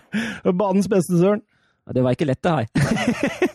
Nei, du får plass til noe offensivt her. Uh, nei, det gjør jeg ikke. Jeg gir tre til Sissoko. Jeg er enig med Thomas. Jeg syns han var strålende i sentral midtbane. Han var fin og balanserende. Jeg syns han gjorde en, uh, gjorde en, fantastisk kamp. Ekstremt viktig for uh, Tottenhams, defang, Tottenhams defensive spill. to til, til James, som også gjør en god jobb defensivt, som prøver seg litt offensivt. Han slår jo gode innlegg. Det er ikke hans feil at den, den som står i boksen, ikke er helt er med. Det er litt sånn Abraham, det der greiene der. At han, han er ganske god på det når han får de der gjennomspillene og sånn. Mm. Men inni boks der, for, sånn, sånn, ja. som boksspiller, mm. så er det litt sånn Det er svake bevegelser liksom, mm. som gjør at han ikke kommer helt på det. Innimellom så viser det litt, ser det litt ut som han mangler litt fotballforståelse. Ja. Timing. Alt dette her. Mm. Men som sagt, jeg syns James' innlegg er jo gode. Det er jo ikke hans feil at de, at de ikke går inn. Jeg tror det var Alan Shearer som sa det i Match of the Day, at uh, som spiss så er du fornøyd om du får ett sånn innlegg i mm. løpet av en kamp. Her fikk han to på fem minutter, og ja. burde ha satt en av dem, men Altså, jeg, altså, hadde, hadde kunnet valgt mange fra begge lag som, uh, som jeg kunne gitt ett poeng til, for å utjevne det, siden jeg syns det var en jevn kamp. Jeg en til Chelsea-spilleren kom til. Ja. Mats? Ja, jeg er også sliter, men jeg lander faktisk på Høibjerg. Jeg, da. jeg syns han er uh, fantastisk. Uh, han er uh, en av det skjoldet bak. Sammen med Sissoko så er uh, styrer, Men jeg syns Høibjerg er bedre med ball enn mm. Sissoko. Nå er han også mer involvert enn Sissoko, da det skal sies. Men jeg syns han gjør veldig mye gode valg med ballen i frispillinga bakfra, og, og, eh, i det etablerte angrepet så gjør han alltid det trygge og det, trygge og det gode. Jeg gir to poeng til Kanté. Uh, han syns jeg dominerer midtbanen. Jeg kunne også vurdert Kovacic. Jeg syns også han er bra på midtbanen til Chelsea. Og så får Sissoko det siste poenget, men her er, det var mange. altså. James, som du nevnte, kunne fint ha tatt. Tiago Silva syns jeg også var mm. bra. så Det var mange å ta mellom der òg. Ja, jeg har tre poeng til Ngolo Kanté. Jeg syns jo han, han, er i så strålende form for tida. Vi, var, vi, har jo vært innom det de to siste episodene, kanskje, at nå er, nå er Kanté tilbake på sitt aller, aller beste. Og, og det syns jeg Chelsea profilerer voldsomt på. Jeg syns uh, han er mye av grunnen til at Tottenham ikke får til noe særlig offensivt spill i det hele tatt. Uh, demmer opp, eh, vinner nærdueller. Uh, stor Ja, ikke mot Ndombele alltid, men eh, Dekker store rom. i hvert fall. det. er ingen tvil har to poeng til Sissoko. Eh, syns Sissoko oh, Han La oss si at han lar Aurier få lov å være Aurier fordi han er Sissoko. Han er så pliktoppfyllende, og jeg tror Timo Werner etter den kampen tenkte åh, det skal bli deilig at det er så lenge til jeg møter Sissoko igjen. Fordi han fulgte Timo Werner overalt, og, det, og en fysikk og en tilstedeværelse som var helt enorm. Han, han gjør spillere bedre. Jeg tror også Rodon også profitterte på at han var der. Og så gir jeg ett poeng til Høibjerg. Jeg syns også han leverer en strålende kamp sentralt på midten der. Um, Tottenham har tatt 13 poeng på de siste fem bortekampene sine. Det er kun i 60-61-sesongen de har åpnet bedre. Da vant Spurs serien. Så eh, vi må tilbake til 60-61, gullaget her. Du har allerede lagt sjampisen på is, du nå, da? Jeg har lagt en til kjøl. Du har det! du har det. uh, jeg sykler ikke den sesongen her. Mourinho vinner nå denne sesongen her, så det gidder jeg ikke. Um, Didrik Tofte Nilsen, The Battle of London var preget av frykten for å tape større enn ønsket for å vinne oss begge trenere, eller? Helt enig. Ja. utover i kampen, utvilsomt. Ja. Altså, begge kom med en plan om å vinne, det tror jeg. Men sånn som den kampen utvikla seg, så tror jeg det var to trenere som bare måtte ta til takke og være fornøyd med det. Hva tenker dere om Joe Rodens Premier League-debut fra start, og når er Toby Alderweireld tilbake? Vi kan begynne med det siste. Toby Alderweireld er tilbake i midten av desember, så det er ikke sånn voldsomt lenge. Eh, Roden, eh, vi var inne på det, at eh, hvis han ikke hadde hatt det oppspillsfeilen som førte til den eh, overgangen til Chelsea, og ikke den tilbakeheadinga altså, Det er vanskelig, egentlig, i forhold til den timing, for han går over huet på han. Du ser ofte at det er de urutinerte og de dårlige fotballspillerne som gjør det. Det blir spennende å se da, om han er dårlig eller urutinert. Det viser jo det for de neste kampene vise. Men eh, ellers så syns jeg han er god. Han lar seg styre godt av Dyer, og jeg tror også han profilerer mye på at han har en sånn Sisoko på sin side som gjør jobben defensivt, altså. Nei, da, Han kommer greit fra det, Rodon, altså. Ikke- Absolutt. Eh, litt innom Arsenal-Wolverhampton før vi går over til La Liga. Det var et eh, Altså, nå har Jiminez der òg, kan jeg nevne. Ja, vi, vi må nevne. Ja. Vi må nevne. Kraniebrudd. Mm. Fikk, Han la ut på Twitter var det i går eller var det i dag at uh, ting ser OK ut, og at han håpa han skulle være tilbake igjen så fort som mulig. Ja, det er Det, ja, jeg tror Altså, Kraniebrudd tar litt tid. Mm. det er Ryan Mason la opp. Ja. Mm. Så det, det er ikke bare Jeg leste et intervju med Ryan Mason i helga. Han sa det at han hadde vel 12 plater og 28 skruer inn i huet sitt, så, så det, det, det er ikke noe spøk, dette Nei, her. det og vi, smalt jo eh, voldsomt. Det er bare å sende alle sine lykkeønskninger til eh, Raúl Jiménez, en fantastisk god fotballspiller, som eh, går gjennom et lite helvete nå. Mm. Det, det, det er ikke bare det at du er ute av fotballen, men det er jo så smertefullt. Eh, Men eh, over til noe hyggeligere, holdt jeg på å si. Arteta, han sliter. Ja, herregud. Altså, men Men, men nå har han gått bort fra 3-4-3, Søren. ja, han har jo To han, siste kamper. ja, han er vel på 4-2-3-1 nå. Ja, det ser Eh, nesten sånn ja. ut. Og så han har jo, det er jo hvis, Vi har snakka om den kampen før, eh, om den forrige, eller om den forrige kampen forrige uke. da, Eh, Og jeg syns han tar jo litt Han prøver litt i den kampen. Han prøver litt mer. Jeg synes, uh, Han prøver å aktivisere bekkene litt mer. Jeg synes han, får, han prøver å få flere spillere opp tidligere. Uh, Han prøver åpenbart at spillerne skal true bakrommet. Men så er problemet til Ateta at dette er ekstremt forutsigbart. Dette er ekstremt lett å forsvare seg mot, og det er sett under ett, det er kjempedårlig. Beklager, men uh, Ja, ja, Det de, krise. de får jo. Connor Cody til å se ut som, eh, som Sergio Ramos i sine glansdager. Han, eh, han eier jo boksen til Wolverhampton der, og Og det som kommer i tillegg, at den litt mer offensive posisjoneringa, den har igjen da gått på bekostning av defensiv stabilitet. ja, ja, Det kommer kommer neste. Ja, Det virker som man nesten må velge. Ja, Ja. det gjør det. Skal vi prøve å spille litt angrepsfotball, eller skal vi slippe inn, eh, eller skal Ja. vi forsvare oss? Men det er jo Da finner du ikke balansen. Mm. Og da, da, enten så mangler du balansespillere i laget, altså de, de rette typene i det systemet du ønsker å spille, eller så gjør du ikke en god nok eh, jobb på treningsfeltet. Mm. Enkelt og greit. Så eh, hvem av dem, det, er, det kan vi jo spekulere i, men eh, eh, Pedro Neto gjør i hvert fall 0-1. Eh, Adama Traore syns jeg var strålende i den kampen. Det, er, det, er, det er en stund siden vi så han så bra. Ja, men nå, eh, nå er han tilbake igjen. Han, eh, dette var eh, lovende igjen. Ja. Eh, den donker der på hodet rett i tverra, og Neto er på returen. Og så tar det jo bare to minutter før Gabriel setter eh, 1-1, og så tenker man spillemål i Arsenal! Det er lenge siden man har sett, men det kommer jo som resultat av en kort corner. Ja, det er, eh, det er et, hva kan vi si, ettertrykk av en corner. da. Ja, Gabriel er jo fortsatt igjen der oppe, så da blir det heading. bra, bra satt. Det er utvilsomt. Og så blir det relativt jevnspilt, egentlig, og eh, ja Jeg, syns det er mye mer klar plan i det Wolverhampton gjør, da, enn Ja. det Arsenal gjør. Det er en helt annen struktur offensivt, i hvert fall. Det er det ingen tvil om. Og det er, eh, det er spillere også der som, som kan, gjøre, kan gjøre det på egen hånd. Altså, du har Podence, du har Adama Traoré. På dens. Han er, han er en smykke av en fotballspiller, altså. Altså, Den offensiven til Wolverhampton er jo langt mer underholdende Mm. og, og bedre samspilt enn det Arsenal sine. Men på dens, han er liksom sånn Han flyr her med tieren, han er eh, 1,32 høy og han, han, han er så kul! Han er skikkelig kul, og så har han en nærteknikk og en sånn der altså, når, når du har så mye kreativitet at du gjør det uventa omtrent hver tredje gang du har ballen, Det er, det er helt enormt å se på, og det han gjør også på 1-2-skåringa, Ja, Søren. Den, eh, den teknikken der, er- det er helt strålende. Fantastisk. Ja vel, Gabriel eh, han bare leker ballen over der. Det er deilig, Det er herlig. men det er deilig når du gjør det. det, er, det er liksom, altså Når du kommer i den situasjonen, da, så er det veldig fort gjort å lukke øya og brenne til mot mål. Men når du har den der kylan, som man sier i Sverige, at du bare, du bare vipper over, lar han skli forbi, og så setter hun. Ja, det er fantastisk, altså. Annen omgang blir det mye trilling av ball.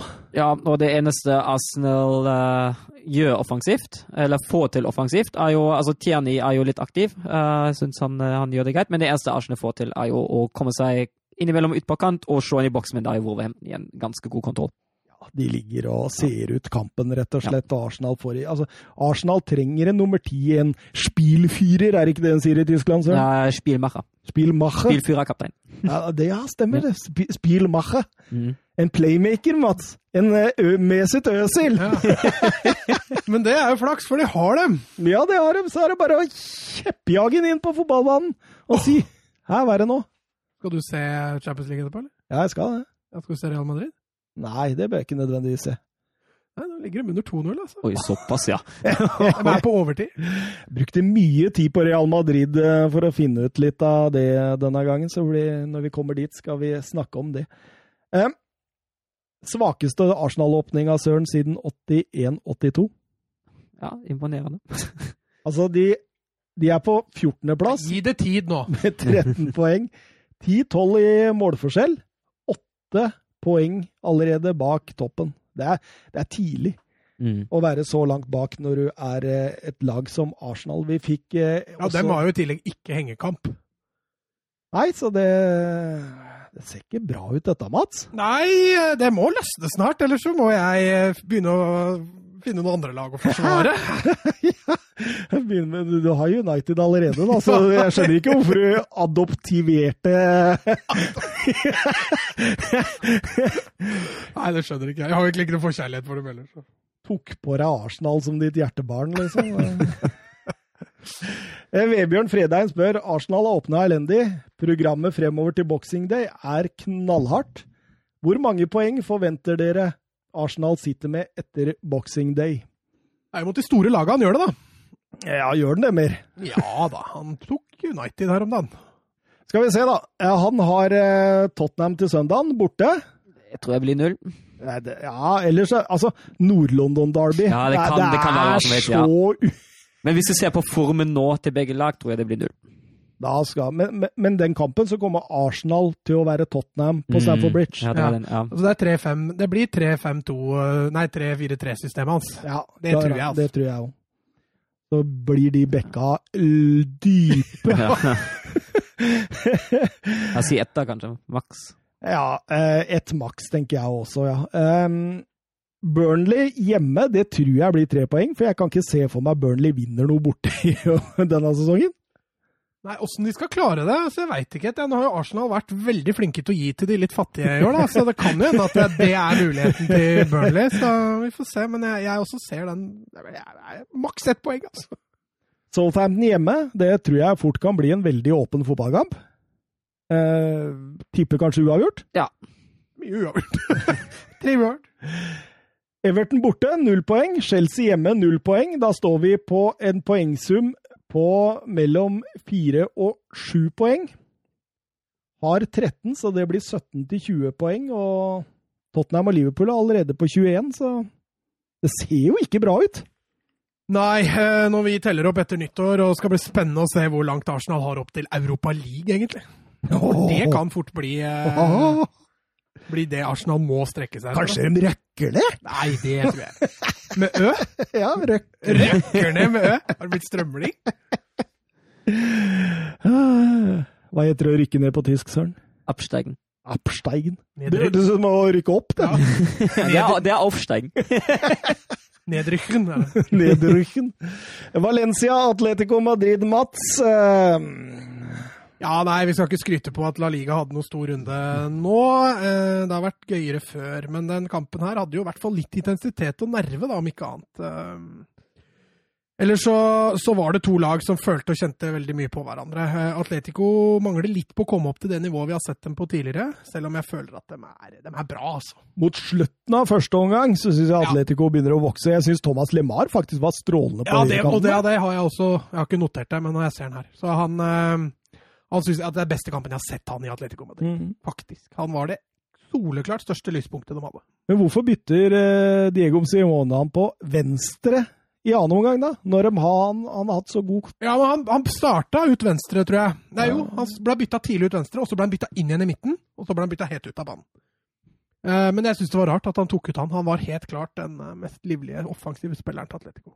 Valencia ligger jo dypt i 4-4-2, Søren. Ja, og de får det jo godt til. altså Det som, det som Atletico skaper, det er jo langskudd, og så er det litt etter, litt etter cornere og frispark. Det er jo egentlig det. Valencia har jo egentlig god kontroll bakover. Det er jo bare de langskuddene som innimellom blir farlige. Ja, absolutt. Absolutt. Eh, men når Gracia gjør det trippelbyttet der etter 70 minutter, da tror jeg han føler at de er litt kjørt. Det Mm. begynner liksom å nærme seg dette målet. Mm. Han bytter vel begge spissene og samt uh, Hvem er den siste byttet han har der, Mats? Det er vel han uh, Mosa Ja, fra det Correira.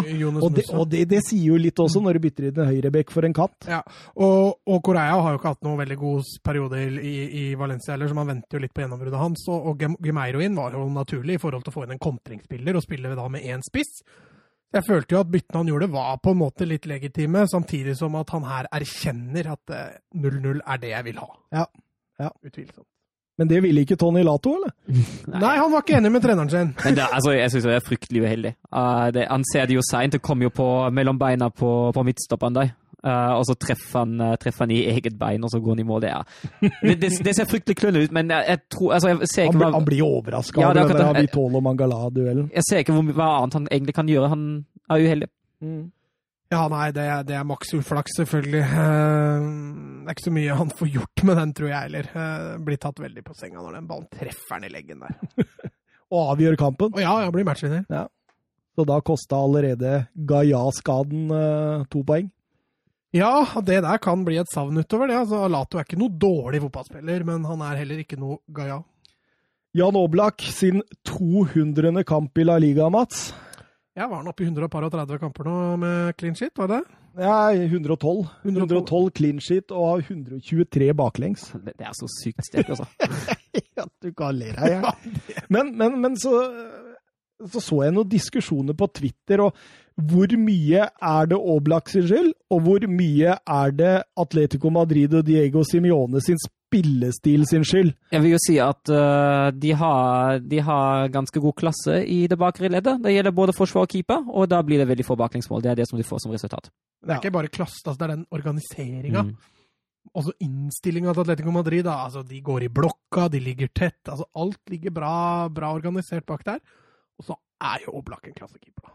Det det. Han trekker fram noen redninger opp av hatten noen ganger som til og med Noia altså, ville hatt trøbbel med, å- med å gjøre. Og pluss og pluss, det blir ikke alltid minus. Nei, på en fotballbane blir det veldig, veldig sjelden minus, altså. 26 kamper siden Atletico Madrid tapte med Kåke på banen. Han er en uh, stor, stor spiller for tida, denne Kåke.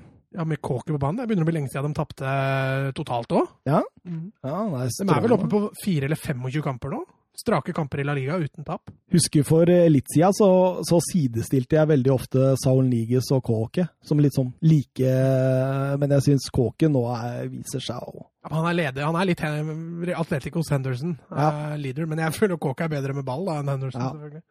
Ja, ja, ja. Dekker ikke like mye rom som Henderson, men, eh, men eh, Kåke er eh, the leader. Altså. Huesca, Sevilla, Mats. Søren, du hadde noe du ville ville Ja, si? jeg, da syns jeg nesten vi er tilbake på Valencia Atletico. Ja, er vi ikke det? Ja, jeg syns det. Det ene laget ligger dypt, det andre prøver seg, og så blir det en ekstrem sjansefattig affære. Ja, så ser du Valencia, Sevilla, altså du kan se, Jeg tror du kan se fire-fem Sevilla-kamper mot sånn middelmodig til dårlig motstand. Det er akkurat de samme kampene du ser. Du Ja. må liksom gå er det samme kampen? Det er, det, Det er- det, er, det er et av de lagene jeg gruer meg mest til å på en måte sitte og, og se gjennom av de vi følger nå. Ja, for når fotballen deres ikke fungerer maksimalt, Mm. fryktelig kjedelig. Ut på kant, enten får de ikke det innlegget, eller så får de innlegget, og så treffer du ikke. Og så er det repeat, repeat, repeat, repeat. repeat. Mm. Og så er det stram organisering, Ja. gode stoppere som vinner stort sett alltid av dueller. Altså, Altså, jeg følte med Huesca, da, det var så spill og motspill hele veien der. sånn. Det var et lag som lå lavt og skulle kontre, og så var det Sevilla da, som likte å ligge etablert, men ville rundt på kant. Mm. Og sånn var hele matchen. Ja. Ingen av laga fikk det til. Nei, Altså absolutt. optimalt. Optimalt, optimalt. Og Huesca, de hadde jo Det var jo ti kamper uten seier, og de gikk jo på sin ellevte fordi eh, de gjør jo et strålende innbytte der, Loppetegi. Ja, Nsiri har skåra et par matcher på rad nå, så han, han er i form. eh, Og Campos med strøken forarbeid. Ja, jeg syns for, forresten Og Campos også er litt sånn Han er ikke der han var i fjor ennå! Nei, han mangler litt på den formen, det er jeg helt enig i. Men så glimter han til, da, og det redder Valencia, nei, Valencia det redder Sevilla i dag. Der redda dem litt tidligere i sesongen òg, men han mangler den jevne prestasjonen som han dreiv med i fjor. Men Huesca får en liten sluttspurt. Ja, de gjør det. Uh, og ja, det er jo Når du har Condé og, Condé og Carlos. Ja, det De, de renser, de, Det er et av de beste stoppepara. Ja. Helt enig. Bare de får tilbake Bono i morgen også. Så ryker de Er de på femteplass nå, eller? Sevilla? Ja. Eh, nå, har jeg ikke tabellen foran meg, men de ligger vel ikke så høyt oppe, gjør de det? Nei, jeg veit ikke om de, de køyer Jo, du har helt rett. Ja. De ligger på femte. De har til og med to hengekamper, eh, så de kan ta seg forbi både Real Madrid og Villarreal. ja. Så det er, det er ikke eh, De hadde jo en forferdelig oktobermåned. Ja. Etter etter 1-1 på kamp nå og den landslagspausen, mm. så gikk det virkelig dårlig. De redda seg fint i Champions League, men i La Liga så fikk de noen nesestyvere. Og nå, nå har de jo gått på tre seire på rad da, i La Liga.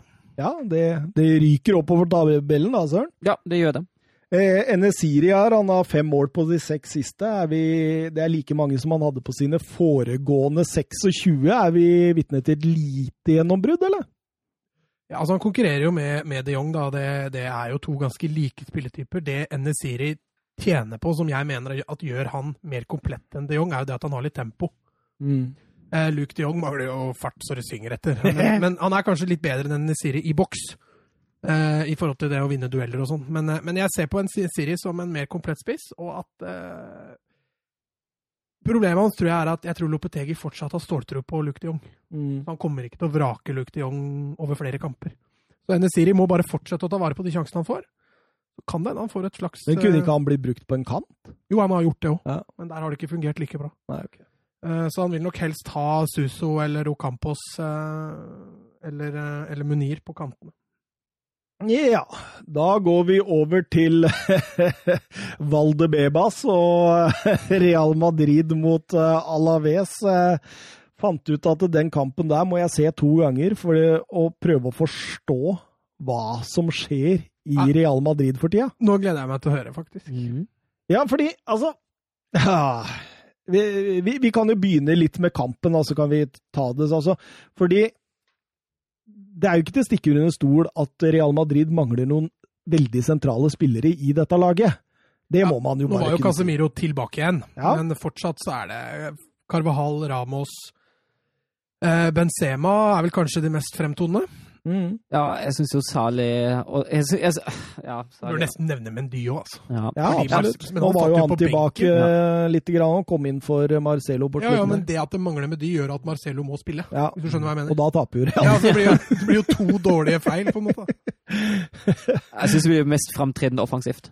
Det, det er jo Altså det er, altså, Fram til mot slutten, mot den sluttspurten de har, det er, det er dødballer og det er individuelle prestasjoner. Jo, men i dag kan du også eller i dag, da kan du også hefte Real Madrid på det defensive. Ja, jo, men Altså, Den blir straffa på mange mål kunne Alaves hatt i den kampen. da. Mm. Han Lucas Perez brenner jo to aleine med keeper, og Joselu Ja. fyrer helt upressa fra 16 meter, Mm. 37 meter over. Så eh, Alaves kunne jo hatt tre-fire mål til dem. Ja, ja. Eh, De skårer på straffe med Lucas Perez etter fem minutter. De eh, legger på med 2-0 med Joselo etter en forferdelig keepertabbe av ja. Courtois. Og den lukter Joselo lang vei. Ja, og så Mats Ja, ikke sant? Eh, Joselo som blant annet han er jo Valdebebas har jo vært hans hjemmebane. Han spilte jo for Castilla. Han var i, han var i Bundesliga og spilte for Hannover. Ja, han har vært i Newcastle. Mm. så han har vært litt overalt. Da. Tenkte jeg jeg skulle brife litt òg, men jeg kom ikke på flere klubber. Eh, og de er jo nære 0-3 der, og, og Zidane gjør dette trippelbyttet, og det blir litt bedre mot slutten, og Casemiro får satt inn trøstemålet. Men altså, det, det, altså jeg, jeg måtte gå inn, og så så jeg på denne kampen, og så tenkte jeg hva er det Alaves gjør? Det er det første du på en måte må gå inn og så se. da. som gjør at Real Madrid blir sånn den blir. Og da ser jeg det første er sånn ganske klart. De stenger jo av de sentrale kanalene i Real Madrid. De stenger dem av. De stenger av Kroos, de stenger av Modric og tvinger Real Madrid ut på kantene, der veldig ofte kantene til Real blir helt aleine. De blir isolerte. Det er ikke noen som kommer og, og, og bistår dem i det hele tatt. Eh, mot Inter eh, så var det ingen som stengte av de to. De, Modric og Kroos de fikk lov å diktere tempo hele tida. da var det Ødegaard riktignok. Ja, ja, men altså, disse, de, de indreløperne da, fikk eh, diktere tempo i kampen. Eh, eh, mot, eh, så så jeg på litt grann innom eh, Cádiz-kampen, hvor de tapte der.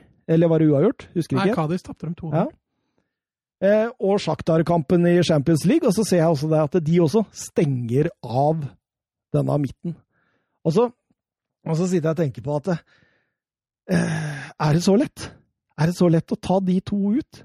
Og så ser jeg også at eh, det er altfor få samtidige bevegelser oppe i banen. De står veldig ofte og venter på ballen. Eh, det er veldig sånn på en måte lett å forsvare seg mot. For den, du, du blir aldri dratt til en av sidene. De kan stå og forsvare seg i på en måte i, i, i sin sone, da. Du, du, det er jo knapt nok en Alavé-spiller i løpet av kampen her som forlater sin defensive sone. Han går aldri altså, det, For det blir ikke noe bevegelse der i det hele tatt. Men merk, nå glemte jeg å si det, men, men savnet også av Valverde på den midtbanen er jo kjempehøyt. Ja, ja. Absolutt. For der er jo de løpa du savner nå. Mm. De strekkeløpa. Ja, det, det, og, og, og bare det også at eh, jeg tenker litt på hvorfor han bruker Modric mer enn Ødegaard. Er også litt rart, fordi altså, i Ja. forhold til denne problematikken, så bør Ødegård være mye bedre enn Modic. Og, og, Modric er 35 år. Han, han eh, på en måte Han trenger jo hvile. Ø, Ø, trenger å spille. Mm. Så det er liksom, det er så rart at det, at det blir sånn. Og, og det, det, der, det der rommet mellom angrepsspillet, altså den, den fronttrioen, og, og midtbanen, det blir så jækla stort. Det er, det er jo ingen som går inn og, og på en måte forstyrrer og trekker ut forsvar. Altså stopper av til Alavis kan stå og spille forsvar. Og det, det, det er jo noe fundamentalt gærent her. og det og, det, blir sånn følgefeil på følgefeil på følgefeil offensivt. Eh, nå tok jeg først og fremst for det offensive her, da. Men, men jeg er for så vidt helt enig med deg. Nå har ikke jeg gått så dypt i det som det du, du har gjort, virker som. Men jeg, man ser jo også hvor lite kreativt altså Det, det der med bevegelsen offensivt, da, det er så veldig synlig. Benzema som trekker og strekker så mye på stoppera, og så nå får du inn en Mariano Diaz som er en langt mer typisk nier, som liker seg mye bedre i boksen. Han er avhengig av indreløpere. Mm. Og både Modric og Kroos er jo veldig glad i å få ballen i beina. Helst ikke de dype løpene. Ødegaard viser jo i hvert fall litt mer av det, da. Mm. Eh, og så kan man jo trekke fram kantspillere. Altså det Men, men det er jo også men, Asensio Hazard er jo egentlig klassespiller, men er jo som du sier, han får jo ikke noe rundt seg. Nå har de vel tapt tre av de siste fem kampene, og, og dette er kamper som på en men den i måte dag, da. ja, og dette er kamper som liksom Valverde er ute, som er den typen som kan løse opp dette her. Han har brukt Modric, nei, nei, nei Ødegaard, mener jeg. Bare litt sånn nå og da. Ikke sant? Ha- Og, og det med Mendy, som du er inne på, Carvahall, som kan komme og skape de eh, to mot én på kant hvis de blir isolerte. De er jo også borte. Så nå kommer en Marcelo som jo, ok, han kan stikke opp innimellom, men han tar, det tar jo kvarter før han er tilbake igjen, ikke sant? Mm. Og, eh, og Nei, de, de, de, og Lukas Vaskes han er jo ingen høyreback. så De, de, de må unnskylde seg litt i forhold til forfalla de har, men Alaves hjemme. ja, det, det bør gå Ja. uansett. Så det er, det, er- det er veldig merkelig, dette her. Og Zidane Han kan ryke, altså, hvis dette her fortsetter, tror jeg. Ja, nå har de jo tapt i dag òg. Ja, Hvor mye tapte de igjen? 2-0. Oi, oi, oi. Er Og da er jo også den eh, Nå kommer litt an på hvordan det går med Inter Gladbach i dag, da. Men eh, hvis, eh, hvis Gladbach skulle finne på å, å tape der, så tror jeg faktisk alle fire lagene har mulighet til å gå videre. Ja, og så spiller vel Real mot München-Glattberg hjemme nå, etterpå? Ja, Ikke etterpå, da, men Ja, altså, ja, neste, ja, neste uke. neste gang. Mm. Så det kan hvis- være etterpå, det får for noen som lytter. Jo, jo, men hvis, jeg da, hvis, hvis Inter vinner mot Gladbach, Mm. så holder det med uavgjort. Så går både Gladbach og Real Madrid videre. Ja, ok. Ja. Men hvis en av de taper på uh, Alfonso Nei, ikke Alfonso. Hva heter hjemmebanen til eh, Hæ? Hva heter den hjemmebanen til Real Madrid? Valde Bebas? Det er treningsfeltet. Ja, men det er der de spiller nå for tida. Jo, jo, men den banen har et navn. Jeg husker ikke hva det Ja, det, det, Estadio Alfonso Perez. Ja, Alfonso eh, Perez var det. ja. Um, og så, eh, men skulle Real Madrid tape, og Shakhtar gå hen og slå, så kan Real Madrid rykke ut. Det er veldig mye som kan skje fortsatt. Barcelona, Osasona Barcelona hadde bursdag dem, når de spilte der. De hadde Det var voldsomme markeringer. Ja, Først ja. bursdag, og så Maradona. Altså det, det, du lurte jo på når de skulle Begynne å spille. begynne å spille fotball her. Ja, nei, det, men de feira, de eh, feira med stil. Mingueza, ny tillit etter en god eh, Champions League-kamp. Eh, Det samme gjaldt jo superangriper Martin Braithwaite. Og eh, ja, ja, de har i hvert fall en, en klar nier som kan ligge og jobbe litt og strekke litt nå, da. Ja, men du ser jo i hvert fall at det har en liten positiv effekt på laget. At de Mm. har en nier som tar litt oppmerksomhet, som, som skaper litt ubalanse. Du sitter langt Du ser han begynner å sitte og le! Nei, det sitter så langt Vi, vi, vi skal vel innom eh, Skandinavias beste elver. han er ikke i nærheten engang! vurderte den ikke engang.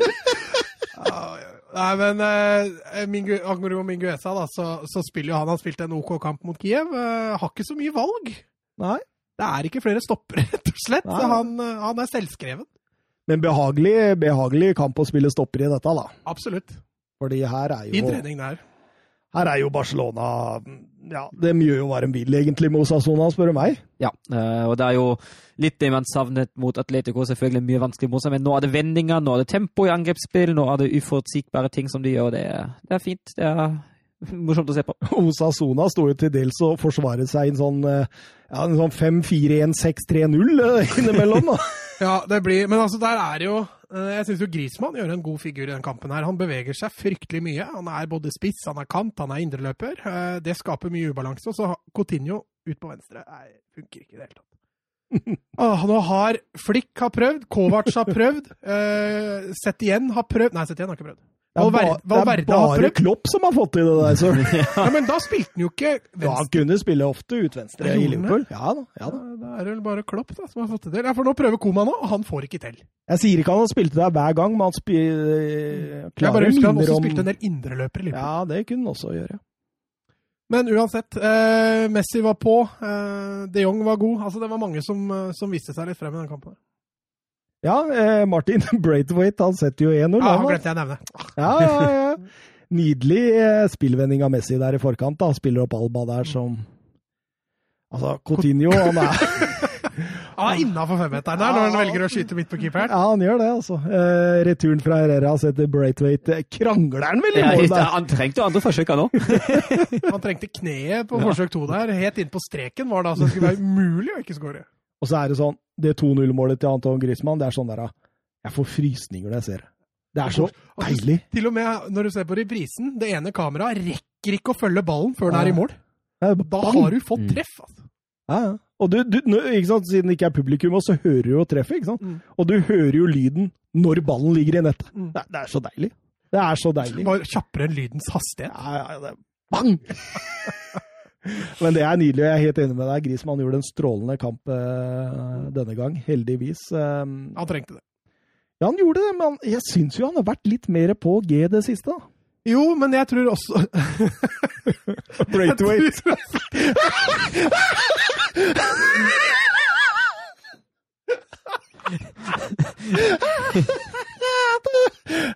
Nå får Braithwaite all skylda for det går!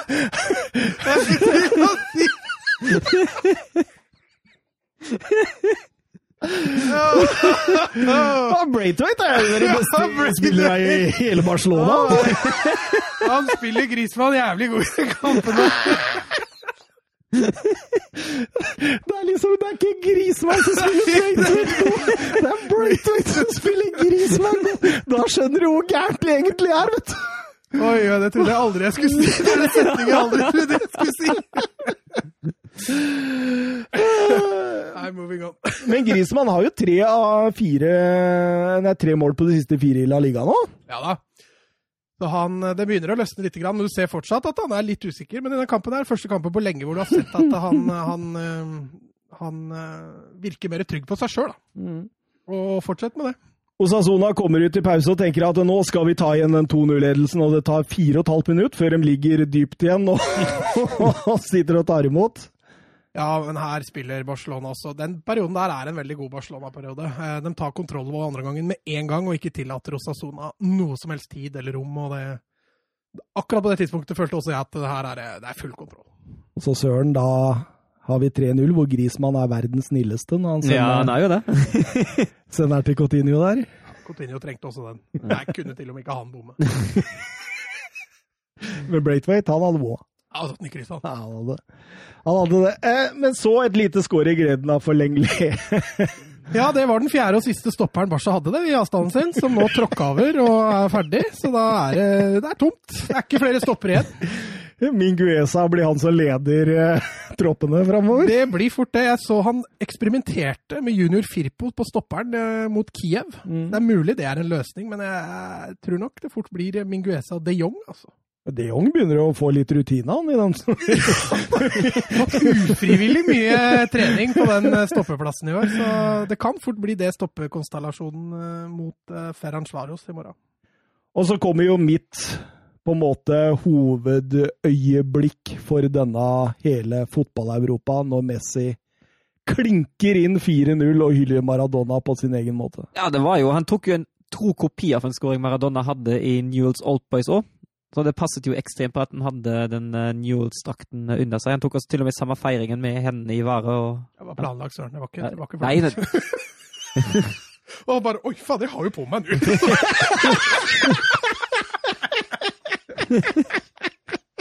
Ja, så tilfeldig! Nå ødela du et vakkert øyeblikk her. Nei, sorry. Nei, men det var, det, det var, det var nydelig. Og så ser det flere bilder etterpå hvor han tar på seg drakta igjen, hvor tiertallet akkurat passer Ja. perfekt. Ja, Det er et nydelig bilde. mm, Herlig. fantastisk. Lionel Messi hyller eh, Jeg tror de var gode venner òg. Eh, spilte Altså, har du sett den der lille sekvensen som flyr rundt på internettet eh, med den fotballtennisen? Mot, mot Hvem er det de spiller mot? Suárez Nei, jeg, jeg, jeg, jeg husker ikke helt. Men de har en uh, fotballtennissekvens, Messi og Maradona på samme lag. Ta altså Søk den opp. Det er ganske artig å se på. Ja. Det er god, det har jeg ikke sett, faktisk. det er god teknikk. Ja. God teknikk.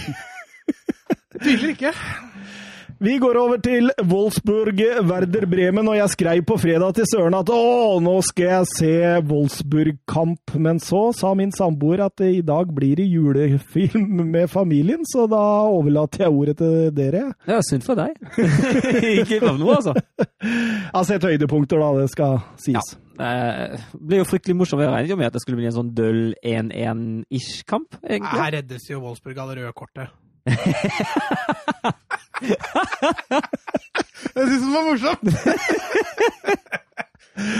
Nei, jeg, altså Jeg syns, jeg syns jo egentlig det er en eh, gjennomført uh, grei kamp for Wolfsburg til deg. Uh, Grei! det er fint, De det. har jo har jo masse ball og Ja, ja, klart det skaper jo klart Det er klart de er litt effektive. Til og med Ja, ja. Brooks!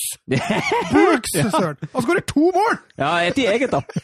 Nei, altså, jo, men det er jo Nei, men jeg syns, jeg syns den, er, den er fint gjennomført. Altså, nå ser han jo uten at vi finner ut litt av det offensive. Han, eh, han står med flere folk rundt boksen. De løpende sitter bedre. Det skapes flere alternativer med ballfører, og det blir flere spillemål ut av det, selv om det er nå veldig effektivt. Men uh, jeg syns egentlig det er greit. Og så var det litt individuelle feil uh, som sørget for, uh, for tre baklengs. Det var jo, begge lag var jo voldsomt effektive, det skal jo sies. Men, men det, var, det, var litt, eh, det var litt shaky defensivt av Ja. Wolfsburg-laget her i forhold til hva man har sett tidligere i år. For det er jo det defensive hvor Wolfsburg kanskje har imponert i gåseøynene mest. Da. Ja, og det er jeg helt enig i, for jeg satt jo på 4-3 og tenkte hele tiden dette er ikke over. Dette er ikke over. Det er typisk skal vi få 4-4 i sekken da, altså. Kjenner meg igjen som Tottenham-supporter. Ja. altså. Men det som er litt kjipt nå, er jo det at av de tre lagene vi følger nå, så er Barcelona det dårligste laget. Ja, det er ganske sjukt. Det er ganske sjukt. Ja, det er faktisk det. Det er faktisk ganske sjukt. Ja. Det trodde jeg ikke skulle skje, faktisk. Nei, ikke Etter jeg. at vi Roma han Wolfsburg-karen inn her. Dette er ganske safe. Skulle vært det. Han har sittet og ville ha ut Glasner og ha ut Brooks og ha ut uh, Mbabu og alt som er, og nå, nå, nå topper de snart ligaen, søren! Nei, det gjør vi nok ikke. Det tror jeg ikke. Nå får vi, har vi Køllen i neste, og så er det én kamp til. Og så altså, går det bortekamp mot Bayern München, og da blir det senest da blir det første tap. Men eh, Nei, altså, jeg synes, som sagt, jeg synes akkurat nå Taper jo ikke, dere taper jo ikke! Nei, vi gjør ikke det nå. Jeg ser, altså, det ser jo Allikevel er de fem poeng bak, da. Så det, Ja, det er var- mye det blir mye Har blitt uavgjort. Det har blitt mye ut. Men uh, akkurat nå er jeg enig. Jeg syns det, ser- jeg synes det ser ganske solid ut. Jeg syns det ser, det ser greit ut. Og hvis Glasner virkelig fortsetter å finne ut av det offensive, uten at det blir et tilbakefall her til, til det vi har sett tidligere, da er det helt innafor det her, altså. Bialek-skårte til og med. Ja, men det er spennende. Nest yngste som noensinne har skåret for Wolfsburg i Bundesliga, bare Arnold var yngre. Og det er jo det er vel Joe Victor vi er den snilleste mann det, som spiller den pasningen der. Det er mange snille band ute. Nei, eh, Fint for ham. Han fikk jo en eh, litt tvilsomt annullert tidligere òg, da dommeren mente at det var, var frispark. Jeg så ikke helt det, men eh, hyggelig at han får sett et mål. Ja, Han har jo, jo gått forbi Ginchek nå i, eh, i den interne hierarkien. Det er sterkt. Det er Ja, sterkt. er så- Har har du tilgang til det hierarkiet, så du veit når han Nei, baserer Ja, han, ja. Men ser jo det nå, om, hvem som blir bytta inn, og Ginchek. Oh, ja, sånn, ja. Ja. Ok. Du har, fått, du har fått litt Wolfsburg-spørsmål. Det er altså. kjempehyggelig! To stykker, altså. Det, første han sa når vi kom inn her, Jeg har fått Wolfsburg-spørsmål! Jørn Henland skriver på Twitter har Søren blitt mer eller mindre glad i Brooks etter helgen. Eh, jeg syns jo han har kommet seg, egentlig ikke bare etter helgen, men de siste kampene generelt. Jeg syns det ser litt mer stabilt ut, men samtidig jeg sitter fortsatt og venter på en blemme. Jeg venter bare på at den kommer, men altså akkurat nå i den, jo skjermål, da. Jo, men jeg vil ikke laste ham for den, altså. Eh, Oi, oi! Hørte du? Jeg, er, jeg er veldig, veldig flink til å laste Brooks for litt forskjellig, men akkurat det sjølmålet der, det, det syns jeg ikke var hans feil. Men, men du, kan, du kan jo si altså Jeg har jo bare sett høydepunktene, men du kan jo si at han han, som jeg sa til deg også, det er, det er litt sånn 80% på Ja. måten han blokkerer der. Jo, for all del, men uh, Men jeg er enig med deg, jeg, Men-. Men han, altså, han, han er til og med god i, i oppbyggingsspillet i den kampen der. Så altså, akkurat nå, uh, hvis han fortsetter på den måten der, da er det helt greit. Jeg bare tviler på at han gjør det i lengden. Det er liksom det som, som gjenstår å se, da. Men altså, det nivået her, som han hadde i den kampen mot Vela Bremen, og for så vidt også den mot, uh, den mot Schalke forrige helg, det er topp, det.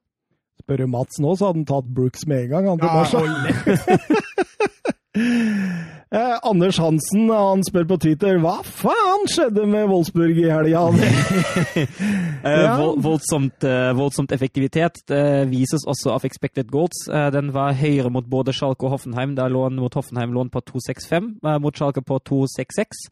Eh, mot Werder Bremen ligger den bare på 1,54, men Ja. da er det voldsomt effektivt. Eh, 1,54 expected goals og fem mål. ja, Den er, den er den er heftig, Da treffer du. Ja, da treffer du. Eh, Men eh, i forhold til deg og Glasner nå, er du, er du trygg på at du, dette er treneren du vil ha? Hvis han, eh, som, sagt, hvis jeg, som jeg sa før, hvis han fortsetter den utviklinga han nå, og det ikke blir tilbakeslag igjen, eh, da kan vi godt fortsette sånn. Ja. Så spørs det om styret i Wolfsburg vil det, da. Venter til han har vunnet et par kamper til nå. Da får han fyken. Nei, nå ser det ut som at de har blitt, eh, blitt enige om at uh, han altså, Det er jo ikke det første gang han var litt uheldig i mediene, Uh, og det kan jo tenkes at mye av det kommer at han var også sportsdirektør i, uh, i Lask da han satt der, og at han sliter litt med å finne den rollen som bare trener, Mm. og at, at det kommer litt derfra. Så han har fått den siste advarselen nå. Siste advarsel. Oi, oi. Det er ikke gøy å få. Er? Husker du når vi jobba nede i Oslo, og vi hadde det der tre AU? Tre advarsler ut? Ja, stemmer. Det var som regel ti AU, da. Folk røyk, men du måtte jo du måtte nærmest rane noen om du skulle få sparken. Men likevel så var disse tre AU-skjemaene de var eh, berykta. Ja, var det. Dortmund eh, Köln eh, Oi, oi, oi, Dortmund. Dette var svakt. Det er helt enig. Mm -hmm. uh, og altså, for det første var det tilbakefall i de dårlige dødballtidene. Som, vi, som har vært tema forrige høst. Der snakket de veldig mye om at de fikk veldig mye på dødball. Stemmer. Har skjerpa seg veldig, men akkurat der får jo to ganger samme baklengsmål. Mm. Og så syns jeg det, det er dølt offensivt, altså. Det er, det er fryktelig. Men du så litt sånn Herta første gangen mot Herta. Mhm. Det var bare enda Mm. litt verre, men Ja. nå gjorde de det i begge omgangene. Ja. Og, Altså. Jeg vil jo nesten si at de er late. Det er, det er ekstremt dårlig på løp. Det er mange feil. eh, Dårlige valg. eh, Dårlige alternativer. Så, altså, jeg, altså, jeg vil ikke si at de hadde løst alt, men hadde de beveget seg litt mer og litt bedre, hadde mye vært løst. Men det virka som at det var et eller annet med spenningsnivået. Litt sånn Mm. energien. Altså, jeg, jeg tror jo fort Hadde Sancho skåret på den han hadde Ja. i tverra før eh, 0-1, så tror jeg denne fort kampen kunne endt sånn 2-0, 3-0, 4-0. Men Men det er jo også disse typer kampene hvor du trenger den gule veggen. Ja. Hvor du, du ser De kommer liksom ikke opp. De mangler det siste for å bli dratt opp. og det... så var jeg rusla inn på et sånn ah, Dortmund eh, fanforum med Google oversettelse, bare for å ha det litt gøy eh, her. Og da, og da, da så jeg at det var mange som var forferdelig oppgitt over Axel Witzel Ja. og eh, Marco eh, Marco, Marco Reus. Reus. Royce. Ja. ja, det Royce sitt klippekort, hva gjør han der? Eh, Witzel, hva driver han med på midten? Det, var mye de to det gikk Ja, men jeg, jeg kan skjønne det litt. Altså, det som er jo greia nå, at han setter jo Royce i midten, og så frarøver han egentlig laget litt sin styrke. Han spiller jo absolutt en 4-2-3-1. Eh, jeg syns egentlig at Dortmund offensivt har fungert stort sett bedre, i hvert fall mot svakere lag, eh, i denne 3-4-3-formasjonen de hadde før. Eh, så jeg kan være litt enig i det. Og så særlig Witzel, han er jo en balanserende spiller, men i den kampen der når Köln er såpass lave som de er, da ser du bare at han, han tar ut tempoet av alt han gjør offensivt, egentlig. Men han Passlak Ja, men er Monier òg. Monier òg. Det er ikke men- bra nok, altså. Jeg har sett Passlak nå flere kamper på den venstre Mm. bekken. Mm. For det første er han jo høyrebeint, og det ser du hemmeren når han kommer offensivt. Eh, Men han gjør så mye gærne gærne valg. Mm. Ja, jeg er helt enig Monier var ikke så mye bedre, men eh, Men eh, altså, det, altså vi snakka jo om Reece James sine to fantastiske innlegg på fem minutter. Der. Altså, det, det tar jo to år før Thomas Monier gjør to fantastiske innlegg. Ja, og da ser altså, Men har ikke Dortmund har ikke en tre venstrebekker? Jo, de har jo Guerrero. Ja, Altså, Schulz. eh, Sch- Sch- Og ja, Schmelz- Schulz og Schmelzer. og Schmelzer. Og så har de Passlak. Og så bruker de Passlak. Ja. Men jeg vet ikke, er det kanskje skada? Ja, Guerrero var iallfall ikke i tropp. Nei, jeg sitter og ser på troppen nå. Det er ingen av dem som er med. Ja. Nei, Schulz, Schulz er skada, det stemmer. Han har jo stort sett vært skada etter han kom Ja, fra altså, altså først, først satt han dårlig i Dortmund, og så ble han skada, og så ble det litt som det ble fryktelig kjedelig for. Men jeg likte det var én som hadde skrevet inn der på dette Dortmund-forum, og jeg, jeg flira litt. Han, eh, han, ønska, han ønska tilbake til 3-4-3, og så ønska han Bellingham inn sentralt. Og så ønska han Reina og Mokoko bak, eh, bak Haaland. Det er ungt! Det, det er ungt og morsomt, men eh, ja. Men der er det litt viktig å ha en balanse, tror jeg. Ja. Eh, I kamper som dette, kanskje, kanskje litt ungdommelig mot hadde vært tingen, men eh, over tid så tror jeg du blir straffa på det mye oftere, i hvert fall. Ja, altså, altså, jeg er jo veldig fan av at man skal variere. Uh, hvis du mener at du trenger å balansere mye på midtbanen, ok, for all del kjør på med en, med en 4-2-3-1, selv om jeg syns også Dortmunds forsvar, det har jeg vært inne på før òg, er tjent med å spille en trebekslinje istedenfor en firebekslinje. Uh, men i sånne kamper her mot Köln altså, jeg, skjønner, jeg skjønner ikke det valget. Jeg er helt enig at 3-4-3 hadde vært det beste å kjøre på her. altså. Så skårer jo Køllen to helt like mål. Og, og Haaland har jo på etterskudd på begge av de to hjørnesparkene. Jeg mener ikke at det er nødvendig å sa hans feil, men uh, om Brann jeg- gjør hakket hvassere, eller Ja. hakket verre jobb, altså. Jeg frikjenner han litt, faktisk, Ja. akkurat der. Ja, jeg er enig. Men uh, ja, altså, Dortmund det er ja. Det er jo de to sjanser Köln får. Ja, Torgan han eh, gir en viss spenning mot slutten av kampen, men Ja, det er et superbytte der, for det er vel, det er vel Reina som spiller den ut der, så ja, vinneren først òg, Reina. ja, ja, så det er jo de to nyinnbytterne som, som redder litt, og så er det jo Haaland til slutt. da. Åh, ja, men altså, Hvorfor bruker han utsida? Ja, det kan du jaggu lure på. Ja. han har jo en, dårlig, han har en forferdelig kamp. Altså 24 ballkontakter i hele kampen, var det vel. Han fikk Men det var jæklig artig. Etter 30 minutter så sier Eivind Bisgaard Sund Ja, da har vi snart spilt 30 minutter, og Haaland har vært nær ballen seks ganger. Da sitter, han sitter jo telt Ja. antall ganger Roland har vært nydelig, altså. Helt nydelig. Det er, det er, det er jo, du, du, er, du er så detaljert, vet du. Det er ikke rart vi elsker den sånn. Det er ikke rart vi elsker den, altså. Ja, ikke sant? Ja, nydelig. Jonathan Hobber spør hva skjedde med Braut og Dortmund? Var det et blaff, eller kjenner de litt på kjøret? Ja, kanskje? Ja, altså, jeg, jeg tenkte litt på det spørsmålet nå på veien til podkast, og så tenkte jeg ok, Dortmund spilte en dårlig kamp. Uh, Leipzig ikke overbevisende mot Amina Bielefeld. Bayern ikke overbevisende mot Stuttgart, men Hingletbach en svak, svak første halvtime mot Schalke. Og det er de lagene som var ute i Champions League, så kan godt være noe der. Uh, kan godt hende at han er inne på noe der, altså. Mm. Men eh, Dortmund også rullerer jo veldig, da. Ja. Det er jo et av lagene som virkelig rullerer, føler jeg. I hvert fall av de som er i Champions League. Leipzig også rullerer, litt, men eh, Men altså, hvis du ser, hvis du ser hvem som starter der, altså Haaland, Sancho, Royce, Brandt, Chan, Hummels altså, Det skal jo fortsatt gå mot Köln. ja, ja, er du gæren. Sist Erling Braut Haaland gikk av banen i en Bundesliga-match uten målpoeng, var i september. Oi, 2-0-tapet mot eh, Augsburg. Mm. Det er heftig. det er ganske heftig. Nesten har hatt eh, mål eller assist siden. Eh, Leipzig, Armina Bielefeld, der skulle man jo tro at det blei eh, total mos, men de klarte på et eller annet sett og vis å, skape litt spenning mot slutten, Søren. Ja, de, de klarte det altså i starten. Jeg syns, uh, Leipzig ser litt eh, Mangla litt energi, må, Ja. må ta litt Red Bull. Ja, det ser det sånn ut. Altså, det er jo Bielefeld som starta best til og med den eh, store sjansen de får. Og så, og så roer det seg heller ikke for Leipzig. Altså, man skulle tro at litt sånn uh, rufsete kamp, så skårer de 1-0 etter et nydelig angrep etter en halvtime. Og så skulle man tro ok, dette har, dette har gitt dem trygghet. Eh, nå kjører de på sin vanlige stil, men det gjør de altså ikke. De får det ikke helt til. Hvem er han der Lazar Samardic? Ah, han er nydelig. Han er jo stort talent i Tyskland. Han Kom fra Hertha, altså? Ja, før sesongen. Uh, Henta de inn, og han har jo fått, uh, fått flere, flere minutter, flere starter òg, så det er Men, men innimellom i den kampen der så satt jeg følte at Leipzig prøvde å få Sørloth til å skåre mål. Ja, ja. Men, var det noen som satt med den følelsen nå? ja, ja, For de spilte liksom litt ekstra på, Haaland, Ja. holdt jeg på å si. På, på Sørloth. Nagelsmann blir jo spurt direkte på pressekonferansen før kampen uh, om, uh, om Sørloth, og så sa Nagelsmann ja, han får egentlig bare skåre, så ordner det seg. Det var, åpenbart oppskrift for å få Sørlandet litt i gang. Ja, ja, men nå, nå er det jo i ferd med å bli en liten forbannelse. for Mm, ham. ja. I hvert fall etter at- den bomma på en Ja, brenner den straffa. Han er bommer aleine med keeper. Eh, det løsner liksom ikke. For du ser, vi har sett innom det før, han gjør det OK i spilldelen. Ja. Tenk om Bielefeld hadde kommet tilbake etter den Og de, straffebommen. de hadde muligheter. Ja, ja. De skårer jo 1-2 rett etter straffespark, og så har de jo to sjanser der mot slutten, og en gigantisk sjanse òg. Så Nagelsmann eh, sa etter kampen at det er den verste prestasjonen de har hatt i løpet av sesongen. Da tenkte jeg, har du glemt 0-5 på Old Trafford, eller? Jo, men Old Trafford og United og Bielefeld hjemme, det, er- det er ja, det er litt forskjellig. Ja, jeg, jeg lurer på, altså, den, den Problemet med den Old Trafford-kamp var jo at da, da løp de bare i kontringer mot slutten, og det allerede, allerede sto, eh, sto 2-3-0. Uh, kanskje litt naivt, men den mot felt, den var, altså, Da vil jeg nesten si altså, Jeg kan skjønne det, for jeg tror de fulgte ikke matchplanen i det hele tatt. Men de vinner på en dårlig dag. Ja, og det, de, de, de gjør ikke Dortmund. ja, det er jo det er jo tegn på et godt lag. Mm, absolutt. Eh, videre til Stuttgart, Bayern München. og Snakk om en dårlig dag ja, der òg, altså. Ja, herregud. ja, Den første omgangen der, den Ja. var grusom av Bayern. Og de går til pause med ledelse der. Det- Det kan jaggu Stuttgart takke seg sjæl for. Ja.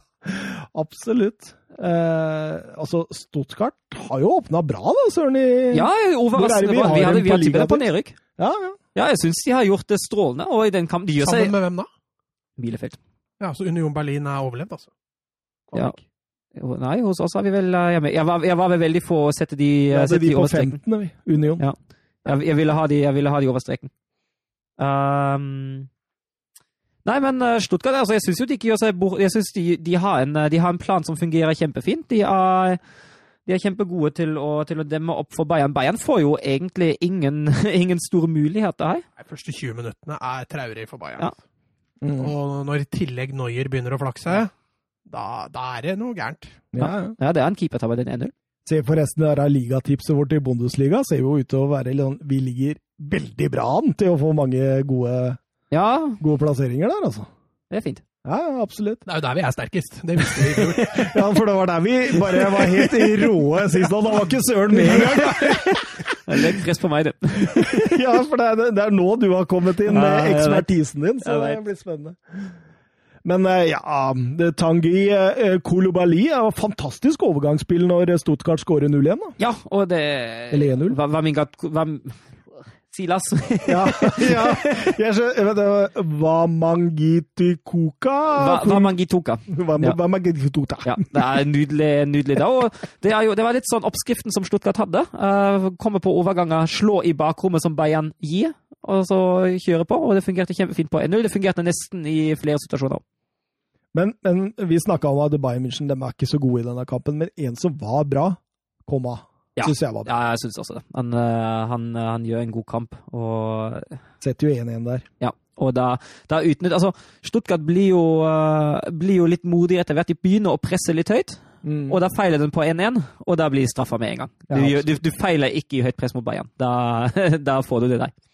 Og Koma har jo også forarbeidet til Lewandowskis 1-2. Mm. Ja. Og da får han mye rom igjen. Men der er, gjør Lewandowski mye sjøl òg, Mm. Ja da. Det skal sies, det òg. Legger han i hjørnet der. Siden tolvte mål i Bundesliga på åtte kamper. Det er ikke så gærent, det. Nei, det er sterkt, det. altså. Nesten like bra som Haaland, er det ikke det? Ja, så han er ikke så langt bak. Hvor mange har Haaland? Eh, ti. Ni? Ti. Ti? Ti? Ja. Oi, oi, oi. Dette, dette blir kamp inn døra. Kamp inn døra, men eh, ja Ja, altså, men Det som er jo litt med Bayern nå, eh, det flyter rett og slett ikke så bra som det gjorde forrige sesong. Eh, det ser man nå i flere kamper. Ja, andre gang på rad vi snakker om at Bayern hadde en dårlig dag etter Bremen 1-1 uh, forrige helg, så da Ja, for Noyer er jo jeg, Med en gang når Noyer gjør den andre blemma si der, Mm. så tenkte jeg Oi, for det, du ser ikke så godt det armtaket han tar på. For du ser den reprisen fra foran Eller unnskyld, ikke foran, det blir jo bak, da. Nei, foran. Og på siden så ser du ikke den så tydelig. Nei, Så tenker du oi, her er Noyer driter seg skikkelig ut. Men så får du den kameravinkelen bak. Ja, Da ser du det ganske tydelig at han blir skikkelig hindra der. ikke sant. Det er jo egentlig helt greit at den blir eh, Ja, jeg syns også helt innafor. Men Stotkall har sjanser, altså. Ja, de har det, og særlig mot slutten igjen. Altså, mm. det var, det var, altså, altså det, det går jo litt den veien at nå jobber Stuttgart på, de siste, siste 20 i hvert fall. Uh, prøver å komme seg inn i kampen igjen. Skaper sjanser når jeg redder jo, jeg redder jo flere ganger der. Og så får de tre inn i sekken. Ja, To ganske like skåringer, bare fra Mm. hver sin eh, side. Ja, Oman absolutt.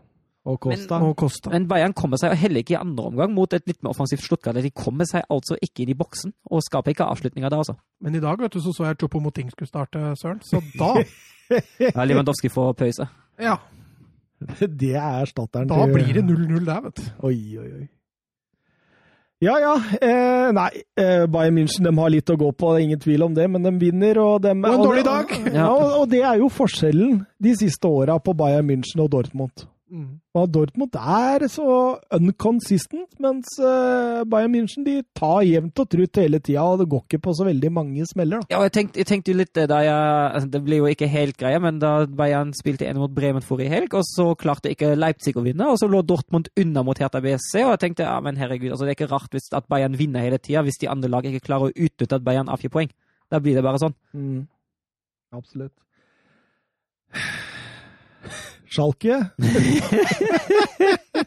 Det er det verste jeg har sett. De møtte Første Ja, er 30, verste du har første 30 er jo ikke krise. Nei, da, nei da. Første 30 er ikke krise, men det Men jeg, jeg, sa det, jeg sa det jo i chatten vår, jeg syns Altså, jeg, den, den golden til Rama Ja, den er nydelig, altså. Ja, altså, de skårer lite, men når de først skårer, er det fint.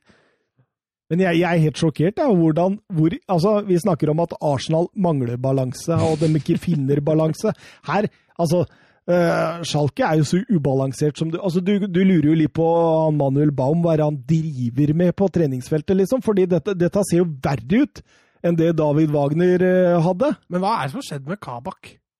Ja, men altså, det, det er jo system. Der ser du altså, der ser du hvordan spillere kan bli svake av altså, jeg, jeg, Hvis Kabak hadde gått inn i Liverpool sånn som det var rykta om, så jeg er sikker på at han hadde vært en strålende makker til uh, Wilson van Dijk. Men, jo, men ved men, siden av Van Dijk hadde jo du og jeg vært strålende men se Nastasic, som, er, som altså, han var brukbar eh, stopper. har Absolutt vært brukbar stopper. Han har vært innom City og alt mulig. Altså, se hva han Du kan le deg i hjel! Men, det, men, det, men det, dette er spillere som er utrygge i eh, Altså, de, de veit ja, de vet ikke hva de driver med. Nei, jeg veit, jeg er helt enig, og Baum har ikke forbedret situasjonen der i det hele tatt.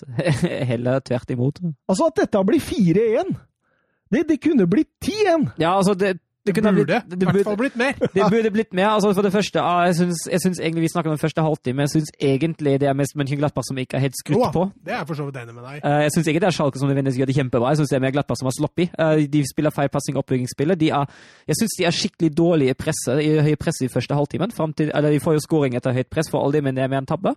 Men jeg syns ikke det presset sitter. De gir Schalke for mye alternativer til å spille seg ut, og Schalke spiller seg ut. Men så snart Neuhaus og Zakaria tar ansvar sentralt, så snart presset sitter bedre, så snart de klarer å stenge av det bedre, da er det sjanseløst for Schalke. Men det er liksom for, for, for eksempel på 3-1-skåringen til eh, Markus Thuram. Så, så, så, altså, de står mann-mann, Mm. og så skal de, det skal én bevegelse til, så er tre av markeringene borte! Altså, det, det, det, altså, altså, det er ju... Altså, du, du på Når du hadde Strømmen-gutta inn og sånn, Du kunne klart dette her bedre i løpet av et par-tre uker på treningsfeltet. Dette her, det er, det er liksom sånn Følg mann! Nei! Altså, de trekkes mot ball! De, de, har ikke kontroll på hva de skal gjøre. Ikke i faste situasjoner, ikke i overgangsspill. De har ikke klare eh, på en måte avtaler i det hele tatt. Nei. Hvem skal gå, hvem skal falle? Det, det fins ikke! Det Nei, er helt er helt Det er elleve hodeløse høns ute på banen Ja, jeg er helt enig. Jeg syns Ut ikke er så gæren, da. Ja, altså han Offensivt. Jo, men Han er den eneste men lille hva skal han gjøre? som kan, kan dra i gang Ja. etter at den assisten han har til, eh, til eh, Ja, den assisten den assisten er jo så nydelig. Altså, Avslutninga skal ikke ta fra den nå heller, for ja. den setter han i krysset på hel volley der. Men eh, jeg må kanskje dra fram han som det lille lyspunktet i den kampen her. Ja. Men altså, det, det, det, er, det er Jeg er helt enig med Thomas. Altså, det er så svakt, det er ikke noe system. Det Altså, altså hvor, hvor, hvor vil man med, med det Schalke-laget, egentlig? Andre Bundesliga. Ja, ja, for all del. Jørn Henland spør eh, på Twitter når blir nedrykket til Schalke sikra? Det blir mars april, det. Ja, Det er- ble tidligere. Ja, det her må, det må skje noe. Ja, men det Ja, må skje. Det, det er helt riktig. Det, det er helt enig. Og, og han Manuel Baum, jeg tror han bare må altså du, du må bare pælme den så langt veggimellom som overhodet mulig, og så må du få inn en kar som kan organisering asap Ja, jeg, jeg, jeg, liksom. kan, jeg kan si det igjen, at Schalke ansatte Manuel Baum. Det har jeg sagt fra dag én. Ja, det det det. Jeg husker jo det. kjempetabbe. Vi lurte jo på hvem denne Manuel Baum var, og da Ja. sa jo du det, det, det blir krise. Ja, det blir krise. Og det blir det jo. Å, fytti rakkeren. Altså, jeg, jeg, altså, jeg, ble, jeg ble sliten av å se det. For du føler med dem samtidig som du sitter der, og så Hvorfor altså, Det er så enkelt òg, da. Så Ja, se feila de gjør. Det er nesten sjokkerende at det går an i Bundesliga, liksom. Ja, det tenkte jeg. det satt jo her for en uke siden og sa akkurat det samme om den Wolfsburg-kampen. Den første halvtimen. Det var ikke et lag på Bundesliga-nivå som Wolfsburg møtte. de Og møtte så Schalke. 4-1-skåringa der òg. Ja, Nastasic, altså. Og så, så driver Kabak med noen Zidane-finter oppi Herregud, altså. Hva i alle dager? Men det, dette er spillere som er så usikre. Ja. De veit ikke hva det og, og, Men, men det virker jo også innimellom som de ikke spiller for noe. Ja, ikke sant? At det er Ja. ikke noe glød, det er Ja, ikke noe entusiasme. Altså, Du kan skylde på Ja, selvtillit. men se, se på kroppsspråket etter 2-1. Der, Ja. der, der, står, der står spillerne bare åh, igjen. Altså, det, det er sånn den der, og så er det sånn ingen som egentlig gidder noe mer. De, de Men, men de det var litt glød når de fikk Ja. 1-1. Det Ja, var det litt var det. optimisme. Og så får de 2-1, og så bare ett mål, og så bare ja, det, er, det er helt krise. Glenn Weber, en storklubb som eh, Schalke er i ferd med å ryke. Er det noen nye utenomsportslige nyheter derfra? Eh, Jeg kan jo si at Jochen Schneider, eh, den eh, ikke fullt så populære sportssjefen, har nå nektet å trekke seg. Han sa jeg trekker meg i hvert fall ikke. Eh, det var nok en god del Schalke-fansen som ikke var fornøyd med. Og så har jo, eh, jo ikke, Det ikke Schalkes feil, men eh, Steffen Freund har jo gått ut i, tysk, i et tysk TV-program og kommet med litt sånn rasistiske greier mot Arito og Bentaleb som absolutt ikke var innafor. Men det kan ikke klubben noe for. Han, han sa vel at klubben har skaffet sine egne problemer når man henter spillere med fransk-afrikansk opprinnelse, og da vet man hvilken mentalitet man får. og Veldig veldig lite innafor av Freund. Det er Men han har ikke noe tilhørighet til Schalke, han. Nei, han har ikke det. Men Han, han, han, har spilt i Schalke. nei, han har spilt Nei, i Dortmund. Men Bentaleb var litt sånn Altså, Nå skal jeg ikke snakke om folkegruppe, men jeg snakker om Bentaleb som spiller. Jeg kjenner ham igjen fra Tottenham. Nei, altså, Det var jo litt Altså, altså, Altså, det, jeg jeg- det, er, det er ikke spilleren som spiser av handa til manageren.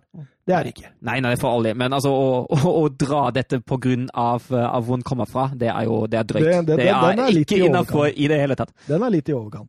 Vil Baum sitte ut sesongen, spør han? For Schalkes del håper jeg jo ikke det.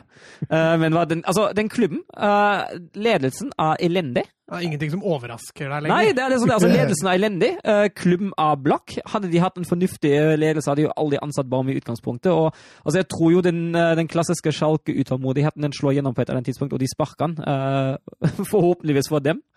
Men uh, hvis han sitter ut sesongen, og de går, går ned med ham altså, ja, jeg, som, som du sier, jeg blir ikke, jeg blir ikke helt overraska. Jeg kan ikke se det for meg. Han må jo, han må jo få fyken på et tidspunkt. Hvis de har råd til å sparke den. For det går mot et litt lettere, lettere terminliste framover for Salken, ser jeg. Mm. Det skal være mulig å plukke litt poeng hvis de gidder. Det er jo annet Bielefeld og, Freiburg og Augsburg på de tre, tre av de fire neste. det er jo kanskje sånn lag man må slå hvis man ønsker å overleve i Bundesliga. Ja, og så var det vel Tasmania-Berlin? Ja, det det det-? De holder vel en finger på Schalke? Nei, de gjør jo ikke det. De vil jo, altså Tasmania Berlin gikk, de ble jo spurt om det for etter tap mot Wolfsburg. Uh, Tasmania Berlin er da klubben som har rekorden med mest tap på rad i Bundesliga med 31. Uh, Schalke står nå på 25. Eh, og så gikk han, eh, gikk han sjefen i Tasmania Berlin, som nå spiller på 50-nivå, tror jeg, eh, gikk ut og sa i media at nei, jeg håper jo egentlig Schalke vinner den. Fordi Jo, jo. før, før hver sesong trekkes vi frem i Sportshow som det dårlige laget. Det gir oss masse popularitet. Det gir oss masse publicity, så vi vil gjerne beholde den der. All PR er god PR. Er det? Ja, ja. Ja, for en sånn så liten klubb nå. Så spør han oss om vi kunne gjerne sette opp et lag med spillere som har vært i Schalke-akademiet, og det skjønner jeg jo litt hvorfor, for det er noen heftige navn Oh, der. yes, da. Det er morsomt. Det fant Vi må gjøre det litt raskt. Ja. Eh, Vi kan jo gå på keeper, den tror jeg er ganske klar. Manuel Neuer. Ellers har de hatt Jens Lehmann òg. Ja, men jeg tenker jeg gikk bare for aktive spillere. Ja, ja Nybel, da? Teller ikke det? Jo, jo. Jo, til ja, men uh, Kjør på. Reservekeeper? Ja. Eh, Trekeeper, da. Ja, trekeeper. Ja. Og Lehmann er bedre enn Nybel? Ja. okay. ja, det var det jo. Ja. Lehmann eh, ja, jeg syns det. var jo strålende, han, i enkelte ja, tider. Nei, men husker du, husker du Lehmann som en klovn? Ja. Ja, han var, han var jo Jeg husker han Ja, gikk og kasta ja. ballen i skiltet. Å, fader, han skulle drøye, vet du. Ja, han, Har du sett den videoen? Ja. Ja. han stjal jo også briller til supporter, kasta sko til motspiller opp på målet og hele pakka. Det er mye drøyt med ham. Men eh, Litt klovneri er fint. det. I'm standing in front of the Icewell Tower. What a magic. Den husker jeg. Ah, ja, Søren. Åssen Ja. noen, eh, Åssen system har du satt i? ja, jeg satte på 4-2-3-1. Ok, ok, kjør på. Eh, Så har jeg venstrebekk har jeg Philip Max, eh, som fikk plassen akkurat foran Seat Kolasinac. Eh, Som stoppere har jeg Matip og ja, Eihan. Jeg hadde med Friedrich i vurderingen òg. Kera som høyrebekk. Han er jo egentlig ikke en høyrebekk, men en midtstopper, men Schalke har vært dårlig med høyrebekker i det siste. Hva med Høvedes og Metzelder? Eh, Begge to har jeg lagt opp, så jeg tok ikke med dem. Nei, nei, nei, ok. Um, sentralt uh, ender jeg på Gundogan og McKenny, med Demi Bay som en, eh, som en god backup der. Mhm. I trerekken offensivt Sané, uh, Draxla og Øzil. Og så spissene har jo ikke Schalke produsert på år dag, så da er det Kotucho som eh, står der. Unggutten? Unggutten. Ja. Ikke La Sogga, altså. Nei, ikke, ikke akkurat nå La Sogga. Altså, hvis, du ser, hvis du ser karrieren under, under ett, er jeg enig i at det er La Sogga. Hvis du ser statusen akkurat nå, syns jeg da er det Kotucho La Sogga er jo over det meste. Men det er noen store navn her, Mats. Ja, ja, den midtbanen er jo kruttsterk.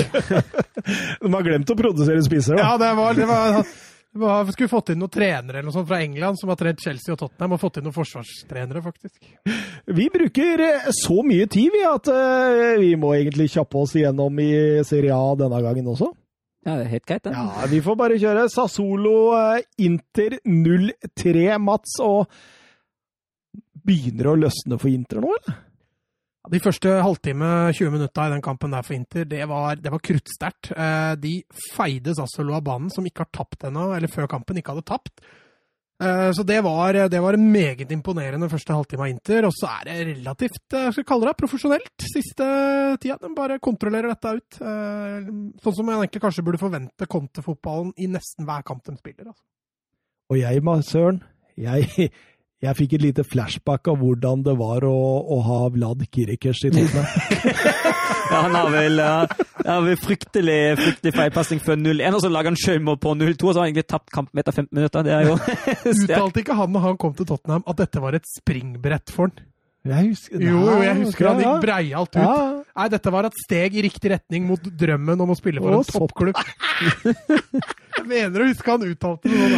Det er, litt- det, er litt- det er liksom den spilleren Altså, eh, av alle stopper i Tottenham, liksom Så hvis jeg kommer på en, en som jeg absolutt fikk liksom hjertet i halsen av hver eneste gang jeg så spille fotball, så var det Vlad Kirikers. Altså, det er mer enn Sebastian Bassong og, og alle de andre småfarlige stoppera vi har hatt der opp gjennom åra. Ramon Vega og Det har vært mye rart, skjønner du, men men eh, Vlad Kirikers, han tar eh, kaka. Han, han, eh, som du sier, Søren, han gjør feilen på 1-0, han setter selvmål på 0-2, og han blir skada før pause. Så Bra kamp, med andre ord. Nydelig mål av Gagliardini der, da, Mats. Utvilsomt. Det var flere. Jeg syns også forarbeidet på Sanchez-gålen, selv om der er det litt klabb og babb, det var bra. Så er det som du sier, da, Kirker. Er klovner i kamp. Morotta sa at eh, Eriksen passer ikke inn i et kontelag, og han vil bli solgt i januar. Eh, Hvor tenker vi Christian Eriksen burde gå? Arsenal. Det hadde vi sagt var uaktuelt. Nei, nok penger, så ordner han det.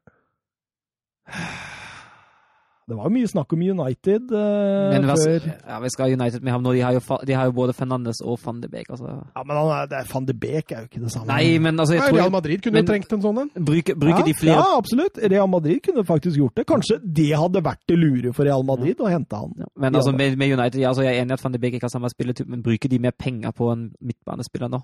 Nei. Offensivt? Nei, jeg tror ikke det. Wolfsburg. Nei, det tok han ikke seriøst engang. Nei, det gjør ikke. Det er out of our league. Og så var det nydelig kampen da mellom eh, Pippo Inzaghi og Andrea Pirlo. Det var deilig. Det er så deilig å se to sånne Altså Det er litt noe romantisk forhold til begge to, har jeg. Sånn barndomsromantikk. Det Gikk ikke på utseendet at det er typisk italiener og nei, nei. Nei, for han uh, Pipo Inzaghi, han er ikke vakker.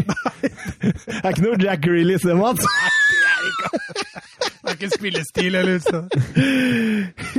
Men jeg syns jo Benevento kommer bra ut av dette her. Ja, det gjør de jo! De får jo med seg poeng. Jo, men jeg, jeg tenker på i forhold til Altså, er dette, er dette Juventus uten Ronaldo?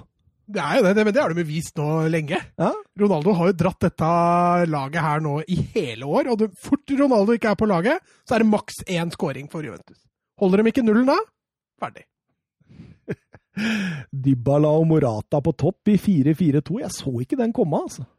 Nei, og nå, men det, det er klart uh, Kulusevski også på benken i en sånn kamp var litt merkelig. Han velger jo Chiesa. Ramsey også, en sånn derre fri venstre-type Ja. kant. Det er merkelig.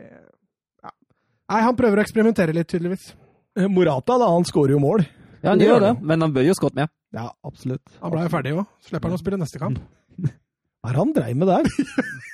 Jeg skjønte Ja, han må jo ha ingenting. slengt et eller annet. Han går forbi, og så viser dommeren bare rødt uten at man ser at det er ham. Men han må jo ha slengt et eller annet, da. Direkte rødt kort. eller?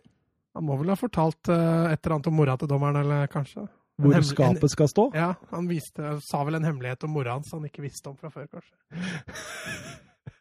Letizia skårte i hvert fall 1-1 rett før pause, og de klarte å, å holde ut og, og knabber poeng av Juventus. Ja, Det skyldes jo både at Juventus ikke klarer å skåre på de store sjansene de får, og at Juventus syns jeg er ekstremt unøyaktig i, unøyaktig i de avgjørende oppbyggende situasjonene. altså. Så en Juventus-pod på Twitter. Jeg flira litt, for de hadde oppsummering av kampen. En Juventus Juventus-pod på Twitter Å, ja. hadde en oppsummering av kampen etterpå. Det sto 'Vi ser frem til en 54 år gammel Mike Tyson bokse, gå i bokseringen igjen'. Det var oppsummering av kampen. Danilo han er inne på etter kampen at eh, vi mangler litt på organiseringa. Men det, det, det er litt sånn merkelig. altså Han har, han har tatt over etter en, eh, først en Allegri og så en Sarri. Og, og denne organiseringa, den sitter jo i, i ryggmargen. Ja. Jeg ser, hva- Men jeg syns også han famler litt. Det er litt Arteta over det, for det er aldri i nærheten Altså, nå tar jeg, da. Men det er aldri liksom samme startelveren. Er, noen ganger så ruller han formasjon. Det virker også som han famler litt, altså. mm. Prøver å leite etter de riktige konstellasjonene. Og det at Ronaldo ikke lenger kan spille samtlige kamper, det, det kommer de nok til å merke. altså. AC Milan fikk jo en grei reise mot eh, Fiorentina, Søren. Ja, jeg syns det som gjorde det veldig lett for dem, var at de skåra på akkurat de riktige tidspunktene. Fiorentina uppa seg litt i starten, så skåra AC Milan. Så setter Vlavic en i stolpen, og så skåra AC Milan igjen. Og så var egentlig mye av piffen i Fiorentinas, eh, Fiorentinas angrep og forsøk var egentlig ute av det etter 2-0. Zlatan ute med muskelskade, da Pioli og Morelli, både trener og assistenttrener, er ute med korona, og eh, Daniele Bonera eh, står på sidelinja, men likevel, likevel så tar de Det glir. ja, Det glir.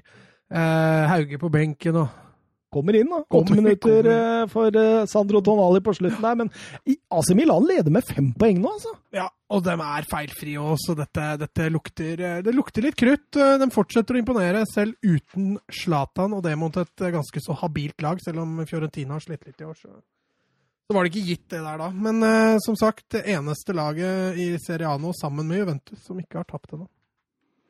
Deilig, deilig, deilig, Mats Granvold. Nå begynner vi å nærme oss eh, slutten. Vi skal innom en eh, liten eh, sak først, for vi fikk et oppdrag på Twitter fra Anders Hansen. Han skriver kan vi få en Skandinavia 11? Altså, fotballuka leverer ikke, selv bak betalingsmur. Gutta på Strømmen har blitt min nye favorittpod. Sterk og solid levert hver uke. Det er nydelige ord Ja. av Anders Hansen. Hyggelig. Takk for det. Nei, det der er Jeg, jeg datt ut etter strømmen. Jeg blir, jeg blir alltid så glad når jeg hører strømmen. Er. Men eh, en Skandinavia 11, det kan du bli med oss på. ja, ja, ja, jeg er klar, jeg. Begynner med keeper, eller? Vi kjører jo som vanlig 4-4-2. Eh, Det er jo det vi gjør. vi er litt eh, trauste gamle, vi. Men, Ja, ja, vi kjører 4-4-2. ja, vi gjør det. Lange baller. Da begynner vi med keeper. Har vi, er vi noen uenigheter? Har vi noen Nei, altså For meg er det jo Kasper Schmeichel som er en soleklare keeper. Nei. Ja? Ja, det er ikke noen i nærheten her. Da. Nei, det er ikke det. Og det, det, det sier litt, altså. altså. Du har en Robin Olsen Olsson i, i Nei, det er Sverige. Olsen. Ja, Det er Olsen, Det er Olsen. Men Han er reservekeeper i Everton. Mm. Eh, Du har en Rune Jarstein, reservekeeper i Hertha Berlin. Eh, Kasper Schmeichel, Ja. levert i Og så har du André Hansen, da. Førstekeeper i Rosenborg. Han er kanskje nærmest. Ja, det er verst av alt. Jeg sliter litt på keeperfronten i, i Skandinavia for tiden, tydeligvis. Ja. Eh, Høyrebekk, gutta. Ja, Da faller jeg også på en dansken, ja. Det blir eh, Daniel Wass for meg. Det er vel ikke noe tvil? Nei, det var en annen dansk jeg var litt innom der òg. Jankersen. Eh, hvis du ser på norsk side, altså Omar og Svensson når jo ikke opp. Eh, Jeg veit ikke hvem som er førstevalget på høyrebekk. Lustig Er det Lustig som er Jeg første? tror det, Ja, altså. så er jo ikke... Så for meg også så blir det Vass, altså. Hva med Jens Strygge Larsen, da, som vi skal Du til skal Barcelona? til Barcelona? Vi står over det. Eh, Joakim Mele, da, blant på Genk, kan jo være et for framtida. Jeg syns han ser veldig bra Ja, ut. men han er spennende òg. Men eh, as we speak, Daniel Wass. Mm. Det er soleklart. Nå har vi, nå har vi regna med at han eh, godeste Anders Hansen her eh, har ment at vi kun skal ha aktive spillere. Ja, det har vi tatt høyde for. Så eh, hvis Og vi har ikke tatt høyde for form, Nei, det, nei det, dette er ren kvalitet. ja, i forhold til hva de har bevist på Ja. banen. Mm. Ikke sant? Kan jo nevne Skov også, som er med i en wingback-rolle, men han spiller jo litt overalt. Han kan jo spille på back, han òg. Offenheim. Mm. Mm. Venstrebekk. Ja, det var ikke så lett heller. Jeg lander på, på hvitt. Nei, vent! Katarina Hvitt. det er lenge siden. Feil linje der òg. Og så ser jeg på deg, og du bare Hæ? Jeg bare tenkte Tenkte jeg faen, sa jeg feil? Hvem er det jeg gått glipp av nå? Jeg. Han var så vidt på hver sin. Nei, Oskar Vent var det jeg landa på der. Ja. Eh, Første ikke-danske. begynner å bli eh, gammel, men leverer fortsatt i Borussia München-Gladbach, Søren. Ja, gjorde det. Skårer jo både mot Schalke og i Champions League mot Donetsk nå. Eh, Er en veldig solid, et veldig solid alternativ til Benzebeini. Og godt valg. Eh, Kan jo nevne at en annen Bundesliga-spiller, Augustinsson, Ludvig Augustinsson i Veda Werder Bremen, også var i vurderinga mi. Ja, og så hadde du Birger Meling, da. Er kanskje nærmest i norsk målestokk. Tenker på, også på Mikkel Damsgaard i eh, Sampdoria, 20-åringen. eh, Stortalent for framtida. Jeg tror eh, Danmark tror jeg med Mele og Damsgaard kommer til å få to veldig gode bekker i framtida. Eh, ikke helt klare for dette laget, men eh, har du han Andersen og Christensen på stopperen. Ja, så det ser veldig bra ut i Danmark defensivt der. Um, stoppeplassen eh, Hva gikk vi for der? Nei, jeg endte på Lindeløf og Kjær, jeg. Lindeløf, ja. ja. Ja. Du har Nei, Vi hadde jo artig med at du har valgt begge United-stoppere på et lag. Bare på to uker, det er helt nydelig. Men det sier jo litt om valget på, man har òg, da. Fordi det er ikke sånn at Harry Maguire og Victor Lindeløf forsvarer enhver Nei, det er ikke det. plass i mitt hjerte, for å si det sånn. Jeg lander på de to samme. Kan jo trekke inn Ayer da, eller Christensen som nærmeste utfordrere, men eh, ja, det er de to. De er egentlig. Kjære har vært fantastisk eh, siste året. Så da er vi på en bakre femmer eh, uten en norsk spiller. Stemmer. Vi er på Hvor mange danske er vi nå, da? Fire. Nei, bare, nei, unnskyld. To svensker og tre dansker. Ja. Og da går vi til høyrekanten, og der er vel heller ikke noe tvil, er det Nei, det? det blir jo en svensken. Det blir jo Kolosevskij. Istemmes. Dejan Kulusevski, ikke Mohammed eh, Darami, altså ditt eh, ukas talent som har begynt å slå gjennom i eh, FCK nå? Ja, han må ha litt tid. Eh, det er vel litt for tidlig å dytte den inn på en eh, Allstar XL eh, Skandinavia her, altså. Ja. Nei, Dejan Kulusevski, han han er selvklar. Selv, selv. Selvskreven. Kunne man flytta Ødegaard der, men han hadde danka ut Ødegaard òg? Kulusevski? Ja. Den formen han Altså, det Kulusevski har vist på en profesjonell fotballbane på det nivået, kontra Ødegaard, så syns jeg Kulusevski har gjort det bedre. Ja. Men det er klart, Ødegaard spiller jo for en større klubb, og ja, ja, Juventus er kanskje ikke så Men eh, nei, jeg syns i hvert fall det Kulusevski har prestert de to-tre siste årene, er litt høyere enn det, og jevnere enn det Ødegaard har gjort. Venstrekant, da, Søren. Da havner jeg på Emil Forsbekk, ja. Eh, Gjør det strålende i Leipzig om dagen, og har et godt alternativ der. Ja, jeg er enig med deg, men det er fordi jeg sliter med gode, gode alternativer. Eh, ikke det at jeg har sett altfor mye av Forsberg de siste åra, eh, men, men han har vært bra nå. Ja, og har gått litt opp og ned. Nå er det opp igjen. Jeg har lyst til å flytte Christian Eriksen ut hit. Jeg har han sentralt. Jeg ser ikke hvem som, var, som hvem sentralt skal banke ut Forsberg. Berge. Ja, men, altså ja, Eller Ødegård. Nei, jeg, altså Hvis vi må velge mellom Ødegård og Forsbekk nå, velg, må, jeg, må jeg stemme for Forsbekk nå, i hvert fall. Ja, må du det, altså? Ja, jeg syns det. Men, men, men altså, det, vi skal ikke lenger tilbake i en forrige sesong hvor Forsberg omtrent var Han var helt borte, liksom. Ja, men da hadde Ødegaard en god halvsesong. Han Ja, men Han var jo en av årets spillere i La Liga, var han ikke det, Mats? Jo, før korona, jo. Ja. Men Det- etter korona var han jo Jo, jo, Ja. men når- når vi, Og hvis, og hvis du ser det hele i et treårsperspektiv, fireårsperspektiv, banka ja, Forsbekk og Ødegaard ut da. Ja, det er jeg enig i. Da var jo Ødegaard 15, liksom. Altså, vi, vi må jo hva, hva er det nå? Nå er det, nå er det Forsberg akkurat nå. Jeg, jeg var også Forsberg. Jeg, Ja, ja, men jeg, jeg, jeg, jeg har bare lyst til å starte en diskusjon her, da, vet ja, du. ja, ok. Ja, Nei, vi avfeier det. ja. Nei, men det er greit. Jeg har Forsberg, jeg også. Djevelens advokat. Det er ålreit å ta den rollen innimellom, vet du. Ja, men, men eh, selv om Forsberg hadde en svak sesong i fjor, så, så er jeg helt enig med Søren. Han har jo vært mest stabil. Og denne sesongen syns jeg er bra. Ja, helt enig. Litt tilbake igjen. Eh, De to sentrale. Da havner jeg på to danske. eh, og Eriksen. Ja. Det, det er litt sånn motsigende da, i forhold til at Forsberg har vært veldig god i år. Så har jo ikke akkurat Eriksen vært det samme. Nei, men eh, jeg mener jo at den klassen til Eriksen fortsatt er der. Det går ikke an å ta ut en Skandinavia 11 uten Christian Eriksen. Det går ikke an. Basert på form så kunne vi droppa. Ja, men da er det bare form. Ja. Og hvis du liksom på en måte har det med kvalitet og alt det der, der inni der også, da, så er det jo Altså, det er jo en av topp tre i Skandinavia i, i selve fotballferdigheter vi Ja, snakker om her. Jeg er enig.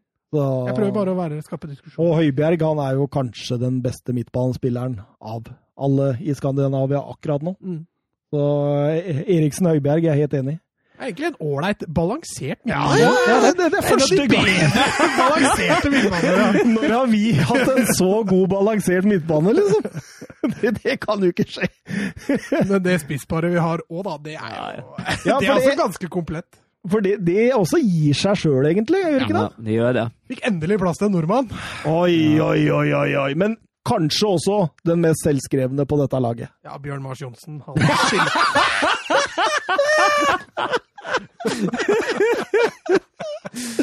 han skiller seg ut. Nei da. Eh, Erling, Erling Ødegaard, holdt jeg på å si. Erling Haaland, han, eh, han er klasse. Hvis du ser bort fra Köln-kampen, så har han jo levert bunnsolid eh, hele sesongen.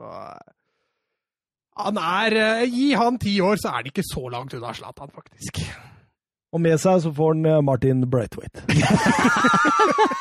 Han gjorde jo Grismann så god i den kampen, han også.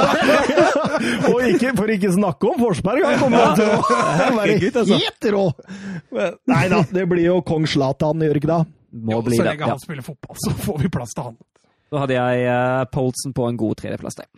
En god treplass, ja. Ikke, ikke Sørloth, altså, som gjør det så bra i Faktisk heller, akkurat nå uh, faktisk heller Isak enn Sørloth, selv om jeg fortsatt har tro på at Ja, Sørloth Åssen kommer. gjør Alex Jeg følger jo ikke med. Ja, han varierer, akkurat Ja. som resten av Sånn som han har gjort de siste tre Ja, åra, ja. liksom. Han Ja. har vært eh, et par kamper hvor han har vært veldig bra, og så har det vært et par kamper hvor han har vært egentlig ganske usynlig. Det er jo det som er litt altså Når du driver på med denne podkasten her også, så er det jo sånn at uh, du du, de laga du ikke følger med, får jo ikke tid til å følge med. Nei, det, det er noe med det, altså.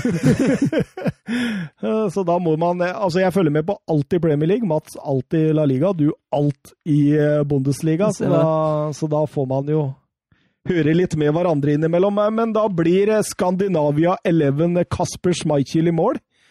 Eh, Kan ikke du regne ut eh, hvor mange danske, svenske og norske, eh, Mats? Ja. En nordmann. Ja, du, du har allerede Det er fem dansker og fire svensker. Ja, for det er Kasper Nei, unnskyld, Schmeichel. unnskyld, unnskyld. Det er fem svensker, fem dansker og én Det skulle bli elleve, skulle det ikke? Kasper Schmeichel, da, ut, altså! Elvas, Oskar Wendt. Lindeløf og Kjær på stoppere, Kulisevski og Forsberg på hver sin kant. Eriksen og Høibjerg sentralt, Zlatan og Brautinho på topp. Det er Fint lag, det da. Åh, det er tidenes lengste sending her. Nå må vi bare rett på ukas talent her. Rett på ukas talent, gutta! Ja, Dario Sarmiento, argentiner. Født eh, Starta klopp, kloppe, kloppe, Nei, nei, men klopp, kloppa! Kloppekokka! Eh, født 29. mars 2003. Det gjør han altså til 17 år. Han er en utprega høyrekant med et venstrebein. Eh, litt forkjærlighet, minner litt om Messi, ikke sånn kjempehøy. Eh, først og fremst dribling og fart som, som sin spesialitet. Har allerede debutert på Argentinas U16, U17-landslag. Og, og ja, altså, har jo selvfølgelig driblinger og fart som sin eh, spesialitet, og sånn sett jeg blei forelska i. Eh, tror dette er et eh, veldig bra talent, som jeg tror har muligheten til å nå veldig langt. Sitter litt mentalt for den, men eh, han har de rette forutsetningene til å, til å lykkes. Det skal bli spennende. Det er noen artige videoer av han på YouTube òg, hvis noen gidder å bruke tida si på. Deilig, deilig, søren. Eh, Christos Zolis, født 30. januar 2002. Han er en uh, venstreving, spiller for greske PAOK. Uh, er da også sjøl gresk. Uh, høyrebeint, uh, høyrebeint inside forward. Kommer fra eget PAOK-akademi. han debuterte for klubbens første lag eh, på øverste nivå i juni, og siden har han faktisk rukket å spille 18 kamper på øverste gresk nivå, og altså noen internasjonale. Eh, God fysisk sterk, god fart, eh, fleksibel. eh, Kan egentlig spille på alle de offensive posisjoner. eh, Og han har også debutert for A-laget til Hellas i oktober. A-landslaget til Hellas i oktober 2020. Fått fire kamper og til og med en scoring mot Kypros. Så veldig spennende å se hvor veien går. Oi, oi, oi, oi, oi. Mitt talent Har du tida, Søren? Skal du ta tida? Yes! Mitt eh, talent heter Luka Svettkanin. Svett kanin? Er Svett mellomnavn, eller vær så snill si at Svett er mellomnavn? Han heter Luka Svettikanin. Tida går, altså. Han er født eh, 11. februar 2003. Han er kantspiller, et partisanprodukt som gikk til Vostovak i midten av 2019 for å få mer spilletid. Det har han klart, for han har allerede blitt fast på Serbias sjuende beste lag, eh, sist jeg sjekket tabellen. En ekstremt rask spiller, sånn altså sånn ekstremt rask. Han er målt allerede til 35,2 km i timen i en kamp for Vostovac. Tofota, teknisk bra med en god pasningsfot. Eh, Har lest sammenligninger som tilsvarer eh, Ivan Perisic, så skjønner du litt åssen typen er. Eh, Klatrer i gradene på det serbiske aldersbestemte landslaget, og det sies at Manchester City Hit. og Juventus lusker i gangene. Det blei mye veldig mye på begynnelsen. Det er lett å huske, da, hvis han kommer opp i Ja, det var en svettkanin, ja. Svettkanin. Da var vi ferdige, da. Jeg tror vi satte rekord eh, i 2020 i eh, hvor lang denne varte. Hvor lang ble eh, to timer og 31 minutter. Ja, såpass. ja. Flyr når man har det gøy. Ja, Vi ja, begynte ja. så tidlig i dag òg, så føler Ja, du men har du god ser, tid. du Ja. ser, jeg tror vi har skapt en trend, jeg. For jeg, altså, eh, flere av de podkastene jeg følger nå, som f.eks. Premier League-podden og sånt, de, var, de, de var en time før. Nå er de begynner de å nærme seg to timer og sånn. Så jeg tror vi setter den der eh, standarden, altså.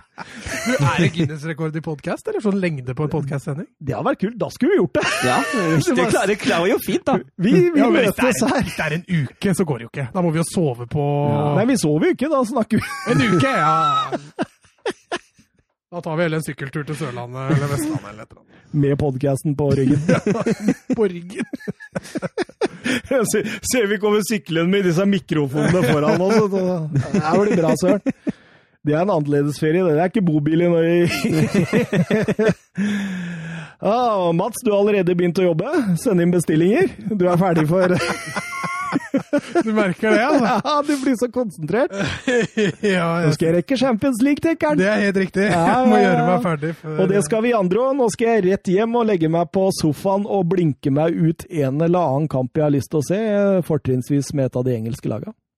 Det blir ikke Atletico Bayern. Nei, jeg tror ikke det. Så da blir det Liverpool Ajax eller City mot Porto. Ja. Så da sier vi god natt. God natt. Good night.